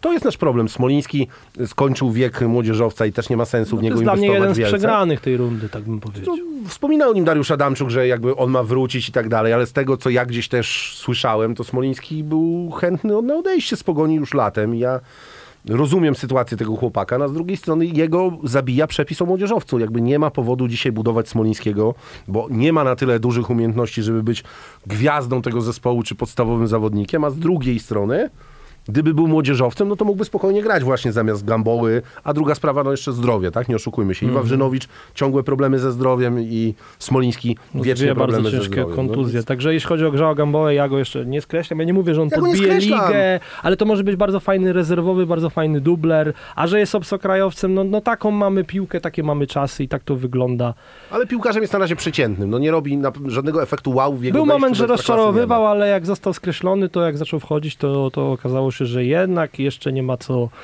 e, co go skreślać. E, został nam e, Aleks- Alex Gorgon. Gorgon. I powiem wam szczerze, bo e, zastanawialiśmy się często, czemu podpisywać jeszcze tego gracza. Myślę, że dał nam kilka takich powodów, e, żeby myśleć, że jednak było warto. Żeby Nie go- zastanawialiśmy się, pod, czy da, warto dawać dwuletni, a nie roczny. Ja nadal uważam, że dwuletni to za dużo. Nadal mówiłem to, jak Aleks był tutaj i jakby trzymam się tego. Uważam, że kontrakt powinien być roczny. Aleks moim zdaniem ma sinusoidy. Są mecze, w których jest bardzo ważnym zawodnikiem pogoni, ale są mecze, w których Ale ma jedną bardzo zanika fajną jest, cechę, którą, za którą na pewno jest Gustafsson go jest bardzo inteligentny. No. Jest, to, to, to też, to, to w takim razie dwie. Mało tak inteligentnych piłkarzy w życiu Gorgonem spotkałem. może przykryć brak głębi składu, bo może rzucić go tak naprawdę w każdym miejscu na boisku i Alex poniżej pewnego poziomu po prostu Znaczy, ja się z tobą zgadzam. Przy naszej kadrze jest piłkarzem niezastąpionym, jest zawodnikiem, który musi grać i będzie grał. Jakby dla mnie nie, nie ma dyskusji z tym, czy on jest drużynie dzisiaj potrzebny. Dla mnie dyskusją jest to, czy przy tych nawet sytuacjach finansowych i tak dalej, nie jest rozrzutnością w pogoni czasami to oferowanie tych tak długich kontraktów, Stipica, Cech, teraz Gorgoń. Za chwilę może się okazać, że, że to jest na przykład jego, nie wiem, końcówka, jeśli chodzi o te umiejętności za rok. No już jest chyba w takim No, momencie 35 lat, że w każdej chwili tego zdrowia może zabraknąć. Życzymy oczywiście, żeby jak najdłużej to zdrowie Trudno było. nie lubić takich Fakty ludzi. są takie, on. 18 spotkań w tym sezonie w lidze, w jednym go tylko zabrakło 5 bramek. Dużo, dużo bramek y, ten zawodnik y, zaliczał. On chyba y, Ale trochę zaczynał gaz, w pogoni... gaz tą rundą mam wrażenie. Z końcówką tak, zabrakło tej pary. Jeśli chodzi o liczby, to z głowy powiem, że chyba w tym pierwszym sezonie miał 5 albo 6 goli, więc on są duże szanse, że jak wiosną utrzyma poziom, to, to, to, to będzie jego najlepszy Bardzo sezon ważny piłkarz na w pewno, pogoni. ale, ale myślę, że... No i chyba dla mnie chyba takie zaskoczenie, że on się stał kluczowym zawodnikiem, bo jak y, tą podstawową jedenastkę chcemy wymieniać, no to Alex jest w tej trójce środkowych pomocników. Ja się tego nie spodziewałem, ja się spodziewałem, że on może być kluczowym dublerem, zmiennikiem, ale on się stał zawodnikiem podstawowym i dla mnie to jest jedno z takich zaskoczeń pozytywnych. No, szczególnie biorąc pod uwagę historię jego powrotu, no to na pewno chwała A, mu. I właśnie, i to też jest Chwała warto podkreślić, że przecież jeszcze jeszcze nam- troszeczkę swoje przeżycie. I jeszcze nam kilku pomocników zostało. Ja chyba tego najważniejszego sobie zostawimy na koniec. Yy, Wahan Biczakcian, też chyba taki piłkarz, który w tej rundzie wreszcie ustabilizował swoją pozycję w drużynie. No, Liczby na się, liczby się też zgadzały. Wreszcie znaleziona została dla niego pozycja, bo był ustawiany niżej, wyżej, na dziesiątce. Zaczął grać na boku pomocy i no nie jest typowym skrzydłowym, jest takim ofensywnym e, ofensywnym Oszukany, prawym, prawym, prawym, prawym skrzydłowym. Spojrzę sobie tu na ściągę. Cztery bramki w tym sezonie w Ekstraklasie, jedna bardzo efektowna, dająca zwycięstwo w tym rewanżowym meczu z Linfield. 5 i dwie asysty we wszystkich rozgrywkach. Tak, tak. I no, Efektowny. Trzeba powiedzieć, że wreszcie stał się kluczową postacią pogoni, ale miewał też spotkania. Mi się wydaje, że chyba najlepszy moment jego to też to okienko wrzesień-październik. Po tej październikowej przerwie na kadrę trochę zgasł. Ale Mecz on Gliwicach trochę jak cała drużyna. Taki, Jak cała drużyna. Jak gasła drużyna, to, wyglądało ją to o gasł wiele trochę. gorzej, dlatego z całą sympatią, bo to jest mega pozytywny wariat i kibice go kochają i nie bez powodu tak jest.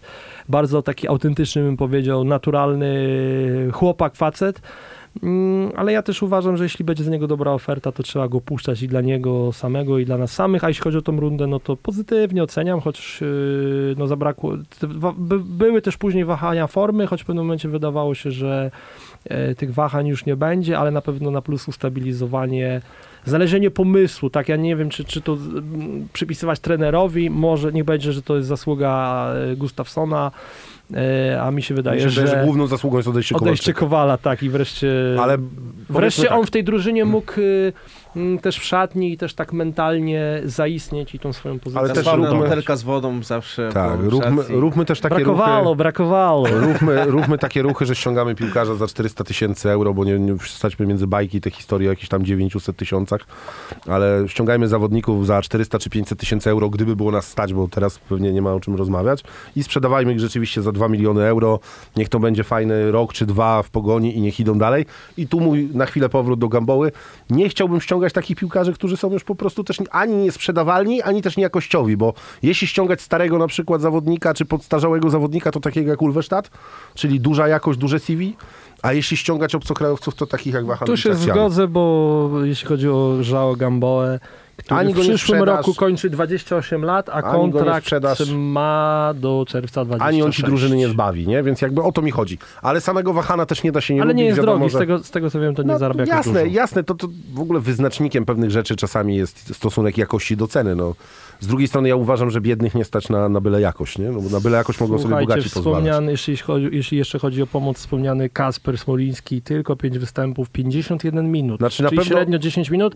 Bramka w Krakowie z swoją w Krakowią. Tak, to co mówisz, latem myślał o odejściu, zobaczymy jak to będzie wyglądało e, wiosną. No make or, make or myślę, break, że- bo za chwilę... Co? Myślę, że gdyby nie to, że nie stać nas dzisiaj na to, żeby tą kadrę w jakikolwiek sposób uzupełnić, to jest zawodnik, który powinien iść na wypożyczenie.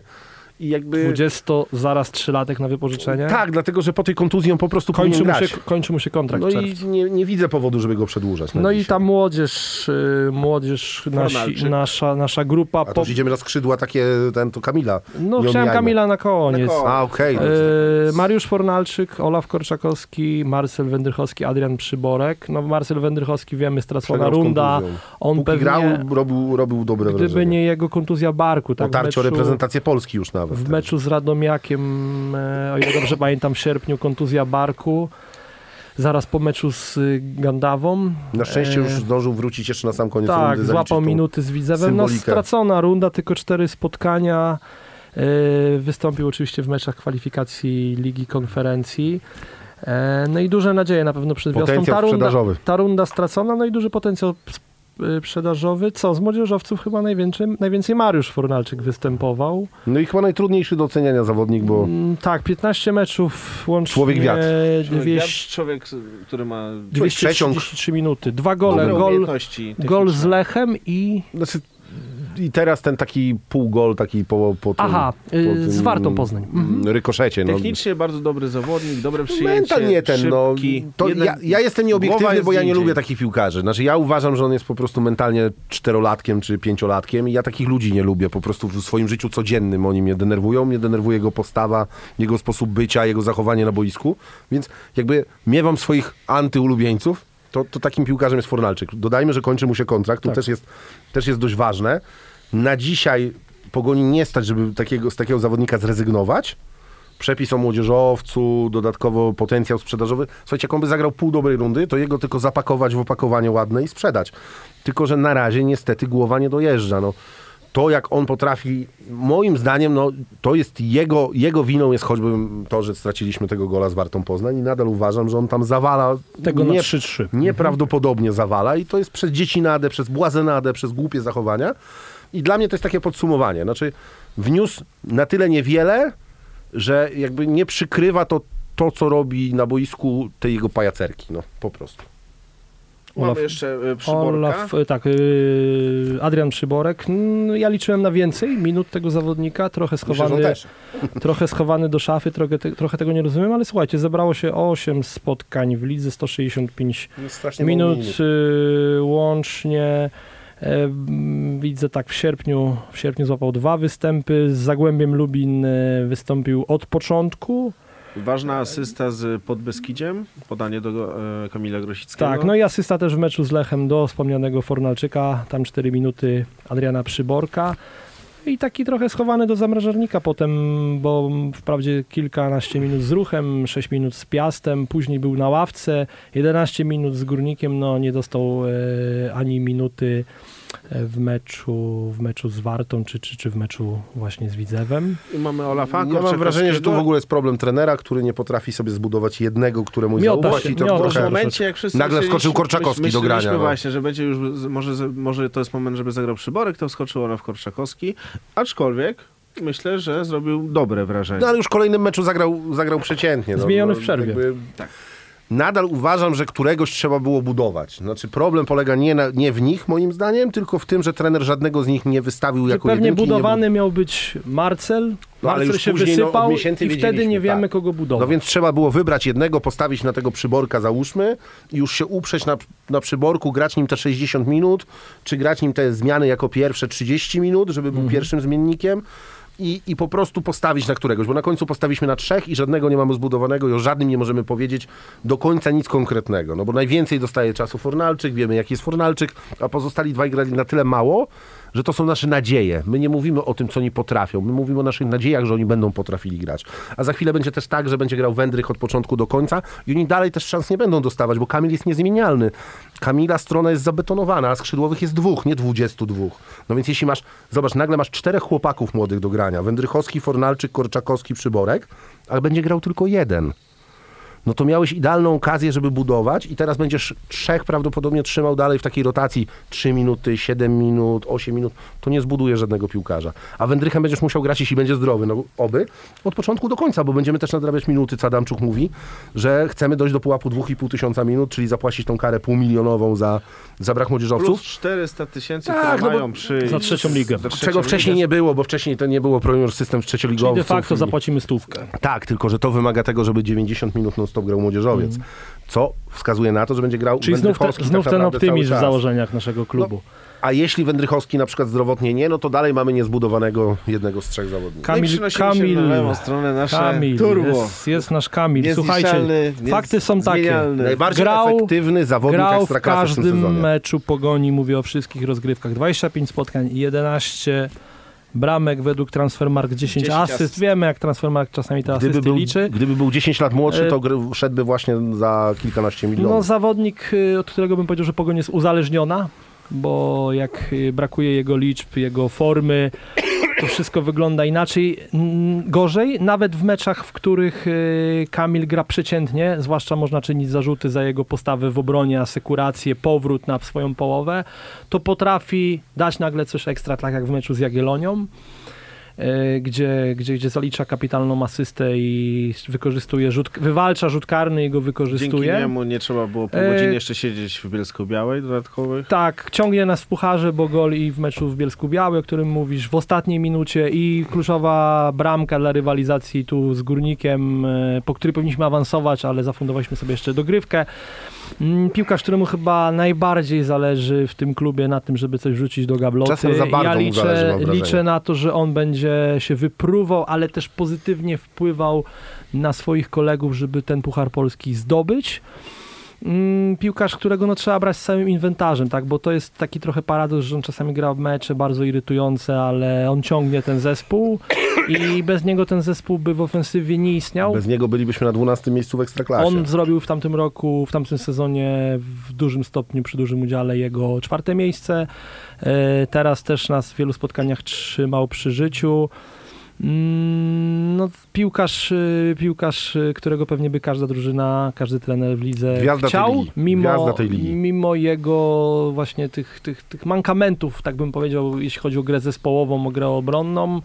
Chciałbym, żeby poprawił trochę współpracę z y, Leonardo Kutrisem. Y, Bo Oby utrzymał, takie momenty, że Leasz po prostu rękoma machał, bo już po raz oby Kamil, utrzymał, oby Kamil utrzymał Panowie, te liczby, które ma dodajmy, że w wiosną jego wieku i nadal wierzę jest rep- wciąż, że będzie Nadal dobrze. jest reprezentantem Polski. W jego wieku. Nadal gra w reprezentacji. To jest ostatni taki piłkarz. Zobaczcie, że nadal... No z tej te- starej kadry on i lewy nadal- zostali, tak? Tylko, no, że ale lewy w jakim wiadomo... statusie jest Lewandowski. Tak. e, nadal krok po kroku dobija do setnego występu w reprezentacji Polski. To jest niesamowite mimo wszystko, że dalej się utrzymuje na tym poziomie i nie odstaje nadal. Mówię, bez niego pogoń dzisiaj No i jest przy, Gustafsson na dobre przy Gustafsonie. na święta. Nie no, w ogóle to jest dla mnie dzisiaj w, w trójce gwiazd ligi jest Kamil Grosicki. Znaczy, to jak gra Josue, ale z drugiej strony nie przekłada się to na liczby. Zobaczcie, Josue nie ma żadnej asysty w tym sezonie. To jest To jest niesamowite. dziwne. No ale ma Y, trochę kluczowych podań. Ale efektywnością najwyższą w lidze popisuje się Grosicki. On ciągnie całą pogoń. Jasnym jest dla mnie, że przez to, że on nie pomaga, że czasami przez to stracimy gola, to się zdarzało.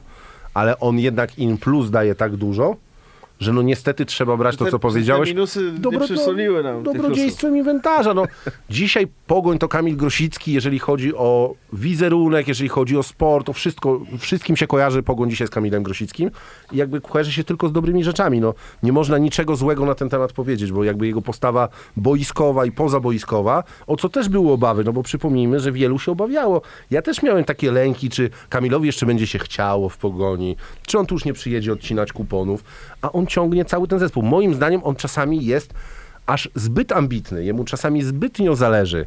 Ja jakbym miał szukać problemu, to moim zdaniem Kamil czasami podejmuje decyzję o strzale, dlatego że on tak mocno wierzy w swoje umiejętności i że to on przesądzi o wszystkim, że czasami brakuje decyzji o podaniu. Ten rzut wolny, gdzie jest ostatnia minuta i wiadomo, że to nie jest jego pozycja i zamiast oddać, on chce zrobić wszystko. Znaczy ja wiem, że to wynika z ambicji, ale ona nadmierna jest czasami. Jakby to jest oczywiście problem. No z drugiej strony jest kapitanem. Wziął na swoje barki dzisiaj całą odpowiedzialność i trzeba to ocenić pozytywnie. Wiadomo, że no, piłkarzem idealnym nie jest. On nie był piłkarzem idealnym, jak miał prime swój, miał swoje minusy, ale to, gdzie on doszedł piłkarsko, gdzie on zagrał, w jakich ligach zagrał, to i tak jest naprawdę chwała i wielka sprawa, że on tu chciał w ogóle wrócić, bo równie dobrze mógł jeszcze spokojnie odcinać kupony w ligach, w których zarabiałby jeszcze więcej pieniędzy, bo przecież w Pogoni mało nie zarabia.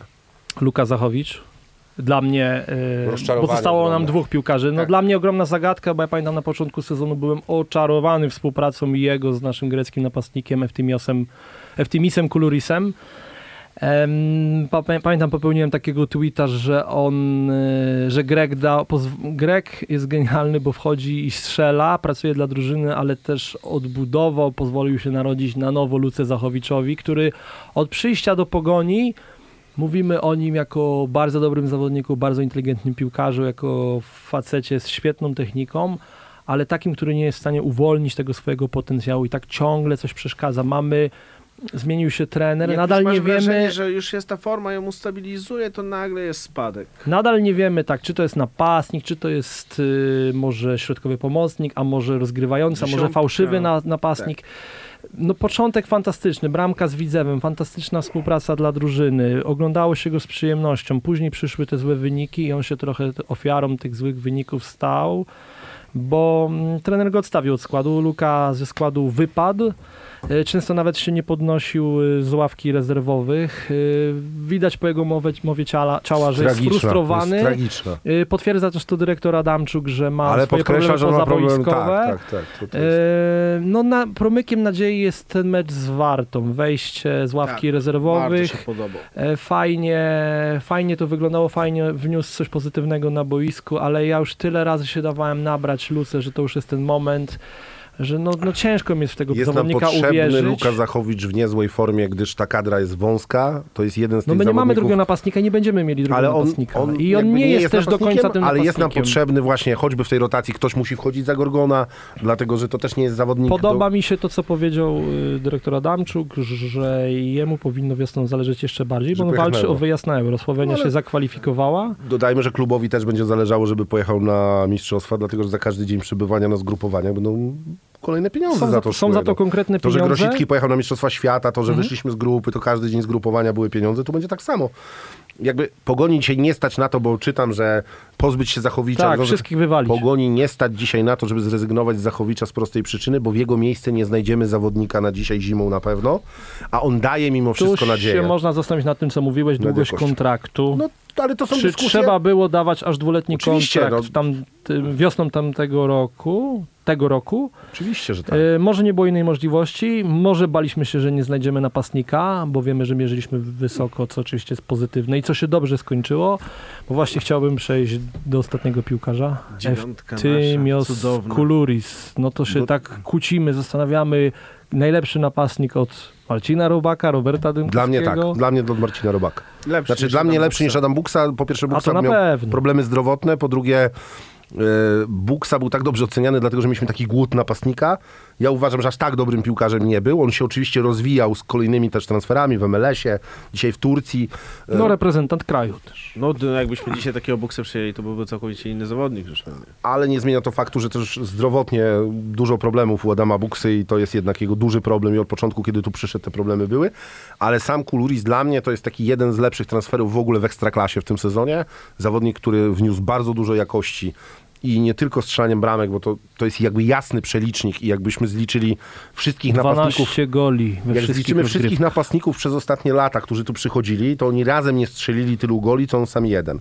Bo mieliśmy tutaj różne I pomysły. właściwie nie potrzebował, Ceftici. e, nie potrzebował czasu, bo wszedł Tak, tak, ale Parzyszek, nie? pierwsze No, dwie wyżej. kolejki to, to od razu strzelane bramki, bramki na wagę punktów zwycięstw, bramki od razu strzelane w Pasował rozgrywkach się świetnie w ligę. europejskich. bo jest silny, potrafi się zastawić, ja nie daje się przepchnąć i, I pracuje dla drużyny. nie, no, to jest mega, inteli- mega inteligentny gościu, nawet jak nie strzela, to robi dużo pozytywnego. Minus na pewno jest nieskuteczny pod względem tego, że on przy tylu sytuacjach mógł tych goli mieć Znaczy jeszcze ja właśnie chciałem 5, wróci, wrzucić kamyczek do ogródka, jak nie szło drużynie, jak mieliśmy ten kryzys, tą fatalną serię, e, to on jakby nie potrafił w pojedynkę, bo był mecz taki z Zagłębiem na początku września, ta ostatnia porażka wtedy w tamtej serii. On miał bardzo dobre okazje i mógł w pojedynkę właściwie załatwić nam tam może nawet nie zwycięstwo, ale chociaż punkt, nie dawał rady. No i uważam, że mógł mieć, to znaczy tak, żeby nikt mi nie zarzucił, że a Krokowski hejtuje czy krytykuje Kulurisa. Mega transfer, mega zawodnik, kawał piłkarza, ale też jesteśmy od tego, żeby poszukać, doszukać się czegoś. Ja uważam, że powinien mieć kilka goli więcej, chociażby w meczu ze Stalą. Miał fantastyczne sytuacje. Miał super sytuacje z, w meczu z Wartą Poznań. No poprzeczka, trochę też brakowało szczęścia, ale mecz z Widzewem, który, no, którym nie, nie, nie podsumowywaliśmy go, bo już parę dni minęło, były inne tematy, ale ja powiem zdanie, że uważam, że taki mecz, y, ten mecz z Widzewem wyglądał tak, jak powinno wyglądać kilka spotkań wcześniej, czyli pragmatyzm, większa chęć dowiezienia tego, co mamy, a nie szukanie za wszelką cenę y, kolejnych goli. No i w tym meczu Kuluris też w pierwszej połowie nie szło, nie, wchu- nie, nie, nie chciało wpaść, ale w drugiej połowie ja pochwalę za to, że on i cała drużyna nie szukali kwadratowych jaj, tylko prostych środków. No i on dostał fantastyczne podanie od Walkwista z prawej strony, przyjął piłkę, spojrzał, spojrzał na bramkarza, jak jest ustawiony, huknął i po prostu zrobił to, co trzeba. Czasami za dużo też, tak jak cała pogoń, nie on tam chyba nawet nie przyjmował, Chcemy tylko od razu dołożył, dołożył nogę. E, za dużo, szukamy kwadratowych jaj zamiast prostych środków, zamiast wziąć trochę odpowiedzialności indywidualnie, to my szukamy Chcemy jeszcze podania, bramki, jeszcze rozegrania, e, jakieś piętki. Piłka to prosta gra. Tu Kulu zrobił to po, najprościej jak umiał, no i zakończył to bardzo ładnym golem, bo to, był, bo to było bardzo Ja efektowne powiem w ten sposób. uderzenie. Oby tak dalej, fantastyczne liczby, fantastyczna praca dla drużyny, nieoceniony zawodnik. Ja myślę, że też możemy uspokoić, że on zimą nie odejdzie, bo on się tu dobrze czuje. On też A też chciałby w klubie- wreszcie rozegrać taki też sezon. wiedzą, że jest po prostu niezastąpionym zawodnikiem. rozegrać pełny sezon bez zmiany klubu, ustabilizować się troszeczkę. On jeszcze będzie miał czas, y, żeby klub zmienić może po sezonie, może po kolejnym nawet sezonie. No i przede wszystkim nie, nie po to Pogoń tyle walczyła o dobrego napastnika, nie po to tyle szukaliśmy, tak się starali, starali, staraliśmy, żeby po pół roku się teraz Słuchajcie, go pozbywać. Jak wielkim problemem jest znalezienie dobrego napastnika, przykładem jest Raków Częstochowa, który może sobie pozwolić na dużo większe pieniądze, na wydawanie dużo większych pieniędzy i zobaczcie, jak oni się męczą z pozycją napastnika. Przypominam, że wielu chciało tu Zwolińskiego, no to ja bym w życiu nawet nie chciał myśleć o zamianie e, Kulurisa na Zwolińskiego. A pamiętam, że kiedy Zwoliński szedł do Rakowa, to wielu mówiło, że powinien iść do Pogoni. Chwała za taki transfer, to jest naprawdę jakościowo pan piłkarz na nasze warunki. I tak jak mówiłem wcześniej, jeszcze w części radiowej, dla mnie jedyny piłkarz na dzisiaj sprzedawalny, nie do zastąpienia w pogoni, to jest, to jest właśnie Kuluris. No bo tak jak mówię, no Kamil jest jakby drugą taką osobą, a numerem jeden w pogoni, ale jakby no Kamila na pewno nie sprzedamy, więc, więc Kuluris jest dla mnie dzisiaj takim piłkarzem nie do zastąpienia. Znalezienie na rynku takiego drugiego napastnika myślę, że jest nieprawdopodobne do polskiej ekstraklasy. On już tu przychodząc, słuchajcie, no miał CV naprawdę dobre Niezłe. i to było widać. Tak. I to też nie był piłkarz, który potrzebował właśnie wchodzić w grę po kontuzji, tylko on grał jednak. I, i to też strzelał bramki. Wiadomo, że niektórzy patrzą, facet strzelił 5 goli w sezonie, chcieliby, żeby strzelił- strzelił 25. Taki ktoś nie przyjdzie do ekstraklasy. No. On przychodzi do ekstraklasy dlatego, że w tej Turcji czy w tego typu ligach strzela 3-4 gole i to już No, jest dużo. takim jego ograniczeniem po tej rundzie możemy powiedzieć, że to tak mówię z uśmiechem, że jedynym jego ograniczeniem yy, bo często się mówi, że z jakiegoś powodu ktoś wylądował w ekstraklasie. No facet, yy, jemu po prostu zabrakło czasami kilku centymetrów, czy poprzeczka w meczu z Wartą, yy, czy zamiast strzelić metr obok bramkarza Stali Kochalskiego, to ładował w jego ręce. Ale to są, to są, to są drobnostki. Jedna to rzecz, jest, yy, Przy tym, co mówisz, mhm.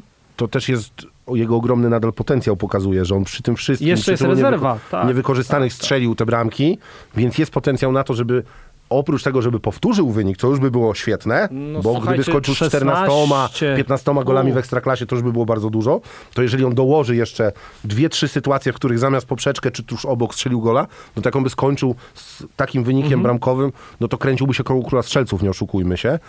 A byłby to wynik nieosiągalny przez wiele, wiele lat dla piłkarzy Pogoni, do, wracając właśnie do Marcina Robaka, który był no, panem piłkarzem jak na nasze warunki. No i dzisiaj Kuluris jest dla mnie, dla mnie jest porównywalny, tak? bo to jest facet z potencjałem przy zachowaniu właśnie jakiejś skuteczności, poprawieniu, z potencjałem na byciem królem strzelców ekstraklasy. Panowie, tutaj już będziemy kończyć, ale Nie no, ja bym jeszcze Jensa Gustafsona ocenił. no chciałbym... Szefa tego projektu. Chciałbym Znaczy, na no sam- szefem jest Dariusz Adamczuk, ale no też duża te pięć- odpowiedzialność pięć- Jensa. 5-6 minut po, po, poświęcić trenerowi e, Dumy Pomorza, no bo...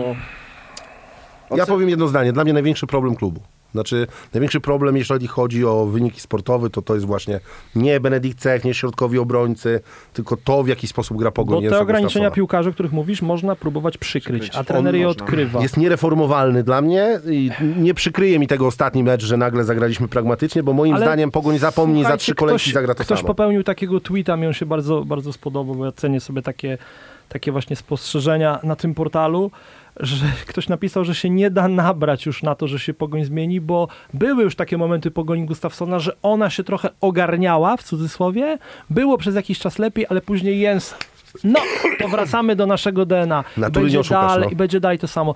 To jest w jego DNA właśnie taka gra. I mój największy zarzut, bo ja się nie chcę znęcać i mówić, że, to jest, że Jens Gustafsson jest największym złem i w ogóle największym problemem pogoni. Tego nie wiem.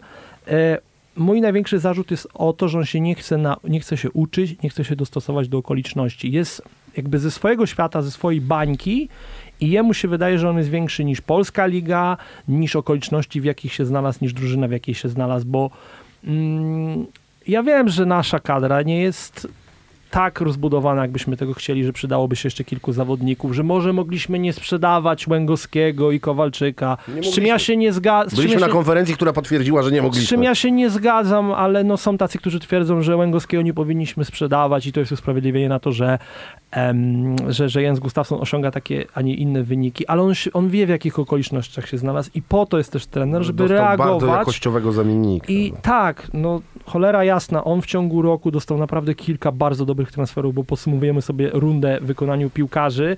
Mówimy o napastniku, że jest fantastyczny, o tym, że No bo- Urbesztat- No ale jakie ma też boki 35-letni obrony? Grosiński nadal robi mega liczby, dostał zimą boki obrony. Okej, Lonczar na razie jest że zagadką. grał na skrzydle Hostiką, a na lewej obronie miał Matynię. No I- później ale- Maty, który Ale nie, też... jakby chodzi mi o to, że były momenty, kiedy Pogoń jeszcze niedawno Mhm. miała na lewej obronie Huberta Matynię i Santeriego Hostike. Mhm. Dzisiaj na lewej pomocy gra pan piłkarz No ale mi nie musisz tego na lewej- tłumaczyć, że mam lepszy i na lewej materiał. obronie gra świetny obrońca. Ja no. nie widzę, mi w Pogoni brakuje takiego pragmatyzmu, jaki był w meczu z Widzewem, brakuje mi trochę rozsądku, brakuje mi dostosowania się do rywala, e, brakuje mi mm, ze strony trenera takiego sprytu, czasami chęci przechytrzenia. No naiwne spojrzenie na Pogoń zabrało nam kilka istotnych punktów, o których mówi Dariusz Adamczuk. Zobacz, ale... że Lech wyciągnął wnioski i zwolnił Van der Broma. No zwolnił Van der Dla Broma mnie i Gustafsson- słucham, słucham czy, czy podcastów, czy, czy audycji, słuchałem ostatnio rozmowy Dawida Dobrasza z Mariuszem Rumakiem, były telefony kibiców Lecha. Mm, I słucham i trochę jakbym słuchał o Gustafsonie, że trener naiwny, jednowymiarowy, skupiający się na odprawach, Ale na Lech wyciągnął tym, że... wniosek. A my Lech- trochę nie, mam No, wrażenie. Ja wiem, że nas nie jest to dzisiaj na zwalnianie trenera, tylko chodzi o to, że jakby dla mnie tak samo jak problemem Lecha rzeczywiście był trener, tak samo to problemem w Pogoni jest trener. I, I ja nie wierzę w zmianę. Nie wierzę w to, co powiedziałeś e, o tym nabieraniu się, że ktoś pisał. Nie, ja nie, No to ja nie wierzę, ani, po pierwsze nie, Wierzę w dobrą rundę, że ona może być Apeluję- dobra znowu, ale znaczy, nie wierzę apeluję. w zmianę. Apeluję to jest złe słowo, mogę apelować o to, żeby żeby, żeby w święta zachować umiar, jeśli chodzi o jedzenie i picie, ale do naszych słuchaczy, to ale, mowa nienawiści ale- ale apeluję, apeluję może inaczej. Chcę powiedzieć kibicom, że niech nie liczą na żadną zmianę trenera w tym sezonie, to się nie wydarzy. Ale zmianę nikt- trenera jako stanowisko, czy zmianę u trenera w podejściu? Ani, to jest, wiesz, nie, chciałem do, jednak- chciałem do tego przejść. Nie ma w ogóle takiego pomysłu na zmianę trenera Nie, w Pogoni, nie, nie. bo nikt z, z rządzących klubem nie widzi problemu w trenerze. Jest co mnie duża- trochę martwi. Jest wiara duża w duża wiara w trenera, Jest wiara w klubie w to, zobacz, to że to jest podkreśla- właściwy człowiek na właściwym Ale miejscu. nawet ten wywiad dyrektora Adamczuka podkreśla, jak bardzo oni uważają, że braki punktów to jest kwestia pecha, złych, złych jakichś okoliczności, że równie dobrze mogło być tych nie- punktów 6-8 więcej. Słuchajcie, o ile ja mogę wierzyć, że czasami y, w wywiadach się gra, zwłaszcza jeśli chodzi o rządzących y, klubem, jest, jest pewne puszczanie oczka, mówienie między wierszami, tak jeśli ja czytam, czy słyszę, że Dariusz Adamczuk mówi o, o, o, o że my powinniśmy mieć więcej, w domyśle, że mamy trochę tego pecha, no ja, to ja wiem, że on w to wierzy, że, że to nie jest tak, że on, on, on gra i robi sobie Ale jaja wiesz, że trochę. życie to zweryfikuje bardzo szybko? On w to wierzy, ale, no ale Ja ci życie bardzo prosto to powiem. Wiesz dlaczego zweryfikuje? Bo zawsze suma szczęścia i pecha równa się zeru, więc jeżeli naprawdę mieliśmy pecha, to zobaczysz, że w przyszłej rundzie okaże się, że tych punktów nagle naprawdę zrobimy więcej. I wtedy będzie można powiedzieć, że Adamczuk miał rację. A jeżeli nie i będzie się to powtarzało, to znaczy to nie jest pech, tylko nieudacznictwo. To szybko będzie mierzalne. Bardzo w prosto. Zmianę trenera Gustafsona też niestety nie wierzę. Ja liczę, że może sami piłkarze, sami piłkarze będą się starali pewne rzeczy, pewne rzeczy na boisko przenieść, e, chociaż nie wiem, czy nie jest tutaj mm, to, co też e, parokrotnie podkreślaliśmy, podkreślał też dyrektor Adamczuk, że trochę brakuje charakteru w kluczowych momentach. Em, No tu znowu przywołam przykład Lecha, o którym się też mówiło, że piłkarze tam też grali trochę inaczej niż y, Van den Brom im kazał i robili trochę swoje, e, trochę swoją wizję realizowali na boisku. Ja nie namawiam, nie uważam, że też tak powinno być w Pogoni, ale czasami ta wizja trenera Gustafsona jest oderwana i chciałbym, żeby, żeby jakiś rozsądek u nas brał górę. No nie wierzę, bo to jest półtorej roku, półtorej roku trochę nabierania się, tak jak z Luką Zachowiczem, że już będzie lepiej i ten mecz z Widzewem mnie nie nabrał ale gdzieś kibicowsko wierzę wiosną w, w, w jakąś poprawę i przede wszystkim w ten Puchar Polski. jaka jest nadzieja? Radości w maju. Nadzieja jest taka, że gramy się dużo lepiej na wyjazdach. Najtrudniejsze mecze mamy na wyjazdach. Na wyjazdach straciliśmy rzeczywiście tylko 5 goli. No ale Więc jeżeli mamy- ja wiem, zobaczcie, z kim gramy wiosną No więc dlatego, ale a z jeszcze kim trochę dlatego, jesienią. trochę dlatego się śmieję, że jakby nadzieję przenieśmy w to, że skoro gorzej nam się gra u siebie, no to nagle z tą Legią, Lechem, Rakowem No, zagramy świetnie na wyjazdach. No, nadal moją nadzieją jest to, że jednak Lech będzie grał bez trenera. Nie wiem, czy A ja bym e, też liczył na to, że trener Jens Gustafsson podsłucha troszeczkę... E, podcastu? Nie wiem, czy szwedzkie, Nie, szwedzkie media chyba myślisz, nie. że publikują nas już? Macie, Dariusza- macie, oddział? Dariusza- macie oddział w Sztokholmie? Nie, nie SK, mamy. SK Sztokholm Jeszcze jest? nie. E, posłucha Już tot. Dariusza Już tot. Adamczuka w kontekście agresywności piłkarzy Pogoni Szczecin. Brakuje mi takich No Jesteśmy obrazów. najmniej faulującym zespołem Ekstraklasy. 189 fauli w... Średnią na mecz mamy najniższą w Ekstraklasie Tak. i to czasami troszeczkę rzeczywiście jest Brakuje mi problemem. takiego obrazka, wiecie, kiedy to e, obrońca fauluje taktycznie, łapie tą żółtą, nawet nie patrzy na sędziego, tylko po prostu biegnie i od razu ustawia się w formacji obronnej z powrotem. No, brakuje czasem cwaniactwa takiego boiskowego. I też mamy to poczucie wiary, mam wrażenie, że to też bije z tego wywiadu, w którym dyrektor tłumaczy, że stracona bramka w Zabrzu w piątej minucie, to mieliśmy już 85 minut.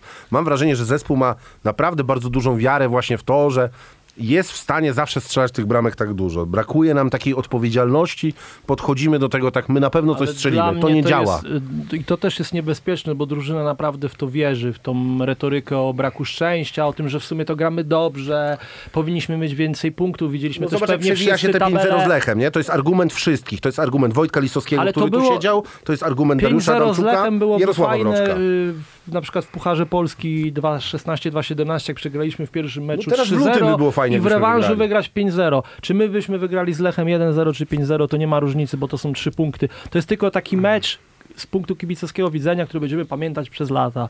Tylko, na że. Lech, y, my za 10 lat znowu wygramy z Lechem Do słynnej 5-0, gabloty to nie a Lech no. przez te 10 lat wrzuci ze dwa mistrzostwa i jakiś tam puchar do gabloty i zagra coś tam w Europie, a my mm, może być z tym gorzej. No, y, martwi mnie ta taka naiwność i faktycznie wiara w to, bo piłkarze też to powtarzają i później mówią y, w rozmowach, że się dobrze bawią w przerwie. są tym takim podejściem. E, no. Albo, że faktycznie Pogoń to jest taka biedna i pokrzywdzona i powinna mieć tych punktów więcej, ale brakuje szczęścia, a rywale to się nastawiają No bo na w tabeli kontry. punktów oczekiwanych No jesteśmy jesteśmy liderem, liderem, ekstraklasy, tak, tak. Wiesz, można sobie to powiesić nad łóżkiem, tylko że e, fajnie zbite jest to w tym wywiadzie przez Paweł e, Paczula, Paczul mówi, że- który mówi, że polska reprezentacja Tak. jest liderem tak samo oczekiwanych punktów Expected tej- points w, tych w swojej punktów w grupie swojej grupie, no. A wiemy, że musimy no, grać to baraże. martwi, no. bo to jest oszukiwanie się, a jak ktoś w końcu zdejmie te różowe okulary, to może bardzo boleć, może być Może za być późno. za późno, tak, tak. I to jest, bo jednak y, musi być taki rozsądek i taka trzeźwość. Ja mimo wszystko wierzę, że Dariusz Adamczuk ma ten taki rozsądek w sobie i to trzeźwe spojrzenie i skoro ma takie dobre relacje z Jensem Gustafsonem i tak panowie ze sobą